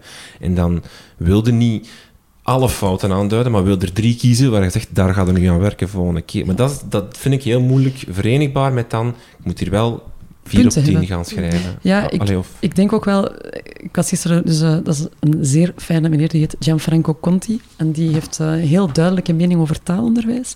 En die zei ook heel duidelijk, gaan we, verwachten we niet, zeker van jonge leerlingen, te snel, of gaan we ze niet te snel testen? Hoe, hoe kun je iets als leesvaardigheid of luistervaardigheid... Ja, je besteedt daar twee lessen aan, of je doet iets, en dan zeg je, ja, nu gaan we een leestoets doen. Ehm, maar ja, ons puntenboek moet gevuld zijn. Ja, ja. En ons leerplan bestaat uit vaardigheden. Dus eh, ik, ik begin nu eigenlijk zelf al met een diagnostische eh, toets vaak. Om eens te kijken van waar staan mijn leerlingen, wat lukt hen goed en eh, wat lukt hen minder goed. Dus ik ben in september heel veel bezig met diagnostisch werken. Ehm, ook wel een aantal, en, en en ja, aantal, ik toets wel een aantal zaken hoor. En dan ga ik verder kijken van hoe kunnen we, want dat mis ik echt waar heel vaak. Hoe maken we die leerling beter? We kunnen keer op keer vaststellen dat een leerling Hm. slecht is op een luistertest. Maar hoe gaan we hem beter maken? En voor schrijven en spreken, kan ik me daar nog iets bij voorstellen? Over hoe dat ik die beter kan maken? Kan echt concrete feedback geven? Maar bij luisteren en lezen moet ik eerlijk zeggen, dat zal misschien, dat zal misschien ook deels aan mij liggen of aan mijn gebrek aan ervaring en expertise, maar heb ik buiten het feit van luistert wat beter, ja, daar moet kan je ik heel moeilijk feedback geven. Ja, ik denk dat je daar dan weer moet koppelen aan die kennis. Bijvoorbeeld bij een leestoets zet ik vooraan nog een keer drie tips om deze leestoets tot een goed einde te brengen. Bijvoorbeeld het belangrijkste staat telkens in het begin of op het einde van een alinea. Zo'n paar kapstokjes, waardoor die leerlingen toch ja, wat door die tekst kan leiden. Dus ik denk dat je daar ja, die, de kennis wat je hen, wat je hen eigenlijk geeft over, over lezen, hoe is een tekst opgebouwd, wat is een inleiding, een midden, een slot, dat hebben zij nodig en je moet dat gewoon constant aanbieden. Wat ik uh, bij, bij jou hoorde, is dat dat samenwerkingsaspect vind ik heel interessant. Een soort van um, knowledge gap creëren, waardoor ze ja. moeten informatie vinden om door te spelen, om iets anders in orde te brengen. Uh, en is dat dan een klassieke toets? Nee. nee. nee. maar ben je aan het beoordelen of ze het kunnen? je kunt dat perfect doen, denk ik. Uh, maar ja, het, het, vraagstuk wordt er niet gemakkelijker op. Want ik zie jou nu kijken van hoe ga ik dat in hemelsnaam in de praktijk brengen. Wat ik bijvoorbeeld, hè, voor, uh, maar ook voor Nederlands, maar ook voor Engels, zo in de derde graad. Ik, geef, ik werk met lange teksten. Ik vind dat wij in ons onderwijs echt ik hamer daar overal op. Wie mij regelmatig hoort, die zal dat herkennen. Wij geven leerlingen te weinig complexe, langere teksten. Ook in de jongere jaren. Als je in de praktijk eh, gewoon, ja, een, een, artikel is niet één pagina lang. Of een, ja, teksten zijn, hebben een lengte. Eén pagina is al, al, als je naar werkboeken gaat kijken, is één pagina heel lang, want dat, dat kom je niet tegen. Hè? Wel, dus je komt het niet tegen. Dus oké, okay, in een eerste graad gaan we naar één, één pagina, maar in een derde graad, leerlingen die naar een hoger onderwijs willen gaan, ja, mijn handboek staat vol met teksten van één, anderhalve pagina max, vaak fragmenten met, waar stukjes tussenuit zijn gelaten. Dat zijn geen authentieke teksten meer. En dan sturen we die naar de echte wereld, naar UNIF, en dan hebben die ineens een tekst van 20 pagina's, 50 pagina's. En dan staan we ervan versteld dat ze dat niet kunnen. En um, ja, ik kan dat wel heel hard staan roepen, maar ik doe dat dus ook gewoon. Ik, ik, ik selecteer teksten van 12, 20 pagina's. Ik ga, deze week ga ik uh, in mijn vijf jaar een tekst van 20, een, wetenschappelijk, een toegankelijk wetenschappelijk artikel lezen van 20 pagina's. Als verkenning op hoe uh, schrijven we een onderzoekspaper. Uh, en mijn werkvormen, ik ga dat niet meteen toetsen, hè, dat is echt instap. Ja. Um, ik laat hen eigenlijk vaak op die moeilijke teksten laat ik hen in groep werken en in groep daarover nadenken ook op voorhand bijvoorbeeld, als ik een moeilijke tekst heb, ik heb een fantastische tekst van Pfeiffer rond poëzie. Wat is poëzie? 12 pa 16 pagina's, denk ik. Maar fenomenaal moeilijk voor die leerlingen. En dan geef ik hen eerst een opdracht rond woordenschat. Dan moeten ze een aantal woorden eerst gaan opzoeken stromingen, wat zijn de tachtigers? Want hij verwijst daarnaar in die tekst. Maar als je geen flauw idee hebt wat de tachtigers zijn, dan ga je ook nooit die tekst begrijpen. Hè? Hij verwijst naar een aantal autoriteiten binnen de literatuur. Als je die naam nog nooit gehoord hebt, geen flauw idee hebt wat dat is. Dus je moet die naam al een keer gezien hebben om een verband te kunnen leggen.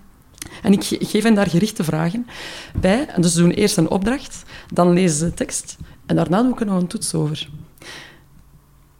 Maar ik begrijp dat dat voor veel leerkrachten misschien een vreemde vorm van toetsing van leesvaardigheid is.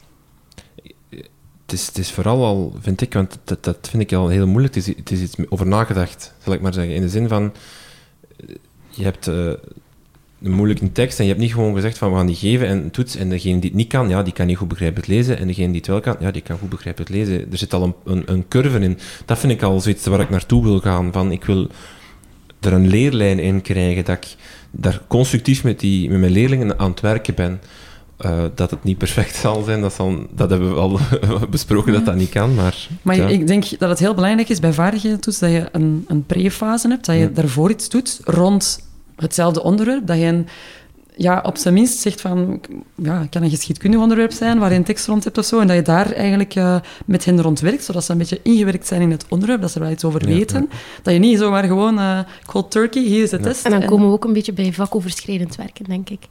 Uh, hoe vaker dat je dat kan doen, hè, linken met vak als geschiedenis of zo, want daar bouwen ze de kennis op en dan kan je gemakkelijker in Nederland. En is het ook niet zo, als op het oudercontact mama en papa zeggen, ja, maar onze Anthony luistert thuis ook niet, dat je kunt zeggen, ah nee, kijk, kijk. ik heb hier een toets, voilà, en dan is de kous af, toch? Uh, ja, ja. Alles Miss, Misschien nog voor, voor leerkrachten die in eerste graad staan, nieuwsbegrip, Be is echt fantastisch, vind ik, voor uh, tekst van anderhalve bladzijde, artikels, elke week een nieuw, up-to-date. Niet het, uh, de Kaimoek-artikelen die je dan opnieuw moet geven met vragen bij. Ze gebruiken nu ook een nieuwe methode, dat ze een... Uh, dus ze geven een artikel en dan zit een van de is er nog een andere zakelijke tekst waarin dat bijvoorbeeld... Wat was het voorbeeld? Ik weet niet, het ging over inbraken en dan hadden ze ook een handleiding erin gestoken over hoe kan je inbraken. Dus een andere teksttype die er dan in zat. Dus ik vind dat zeer tof. Ik wil ook CommonLit aanbevelen. Je geeft ook Engels, hè? Ja. Uh, websites um, CommonLit. Uh, waar je gigantisch veel teksten, zowel literaire als zakelijke teksten, uh, die daar klaarstaan. Het is eigenlijk gericht op Engelstalige leerlingen, maar we kunnen ze perfect gebruiken, met vraagjes bij. Ja. Vraagjes worden automatisch verbeterd. Er zijn altijd twee open vragen. En uh, die open vragen hebben zelfs een verbetersleutel. Uh, dus je kunt, je kunt eigenlijk leerlingen laten inloggen op de computer maken. Heb je geen computers ter beschikking, kun je het downloaden in een pdf en kan je het gewoon uitdelen. Het is een, een fantastisch instrument om uh, leesvaardigheid te oefenen. Kijk eens aan. Het blijft een, een, een zoektocht, denk ik. Maar het is ook leuk, hè? Bepaalde manier. Okay. Naar boeken zoeken en zo. Ik denk onze laatste, want ik, ik mis een blad van mijn voorbereiding. Maar goed voorbereid. Maar misschien is het uh, uh, goed dat laatste is, we zitten hier al even. moderniseren secundair onderwijs, een worsteling met differentiëren in de les. Josephine. Ja, um, die komt eigenlijk van mij, want we hebben natuurlijk nu met het... Uh, nieuwe leer, met de nieuwe leerplannen in de eerste graad de basisdoelen en dan meer uitbreidingsdoelen. En leerkrachten worden sowieso meer gedwongen om te differentiëren. En ik voel in de leraarskamer staat toch bij de... We zitten bij Help, hè, toch? We zitten bij, ja. zitten bij Help, ja. Ja. Ja. Um, ja, ik hoor zo vooral van uh, mijn collega's Frans zo... Uh, ja, nee, wij hebben ook wel wat um, Franstalige leerlingen, want wij... Ieper ligt vlakbij Komen, bijvoorbeeld. Dus er komen heel veel leerlingen uit Wallonië. En ja, dan komen we ook weer bij Jeroen terecht uh, van daarnet. Want ja, je zit in een lokaal. Wij hebben geen... Ik weet niet wat dat daar allemaal daarnet aan bod is gekomen. Jij hebt alles. Uh, wij hebben heel vaak gewoon vier muren, wat banken. En ik heb zelfs bijvoorbeeld een lokaal waar we banken hebben van bijna twee meter. Dus je kan die nee, niet bewegen. Niet bewegen. um, dus de ruimte waarin je lesgeeft is sowieso bepalend over hoe je kan differentiëren. En ja, het is eigenlijk één grote help. Zo. Um, hoe pakken we dat aan? En bijvoorbeeld met die Franstalige leerlingen dan, die zouden eigenlijk allemaal een laptop moeten kunnen hebben, omdat je die dan met leerpaden en meer verdiepend materiaal aan de slag kan zetten. En dan zei die collega tegen mij, het was een van mijn uh, nieuwe leerkrachten op school, uh, ja, waar kan ik terecht voor aparte laptops? Ja, dat gaat niet bij ons op school, want dan moet je naar de schoolzaal of de studiezaal, zit dat in grote laptopkarren, dan moet je daar met heel de klas naartoe.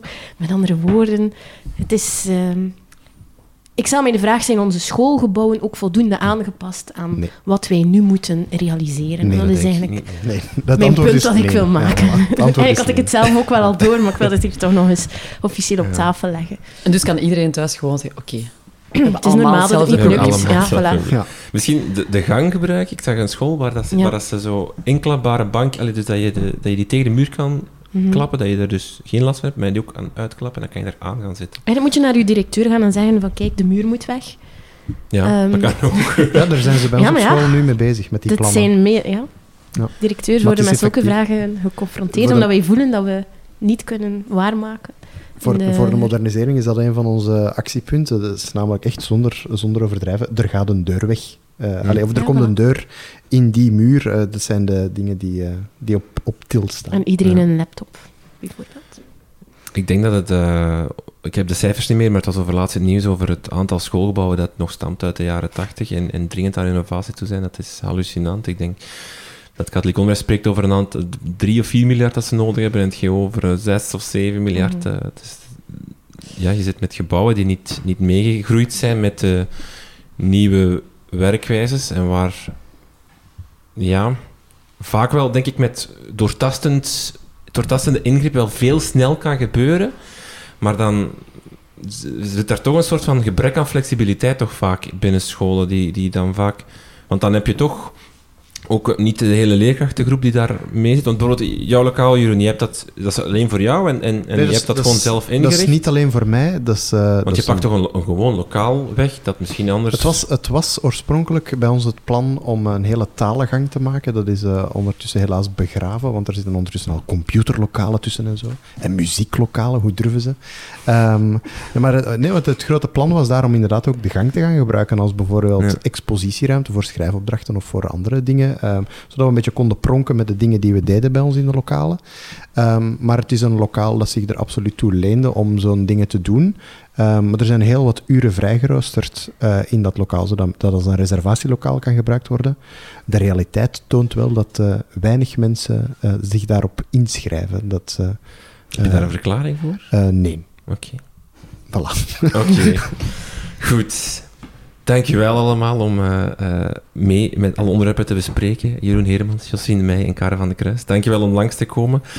U bedankt om te luisteren. U heeft de volledige twee uur uitgezeten. Fantastisch. Ik hoop dat u er iets aan gehad heeft. Eh, volgende maand zitten we hier terug. Ik denk dat Jeroen en Josien, jullie komen terug hè, volgende keer, volgende maand. Ik check dat, ik- check dat even bij de NMB's. Ja, ik ga mijn agenda kijken. Oké, goed. Kari, jij komt ook nog eens terug, hè, ergens de maand November, daarna, denk ik. Ja, voilà, fantastisch. Dankjewel voor het luisteren. Als u geld te veel heeft, u kan dat altijd eh, aan buiten de krijtlijnen schenken via maandelijkse donatie via patreon.com slash de krijtlijnen. Voor 1 euro per maand kan u al steunen. Eh, dat zou fantastisch zijn. Alle info over deze podcast, over de artikelen, kan u, vindt u op www.dekrijtlijnen.be en u kan ons volgen op Twitter en Facebook. Dank voor het luisteren en tot de volgende.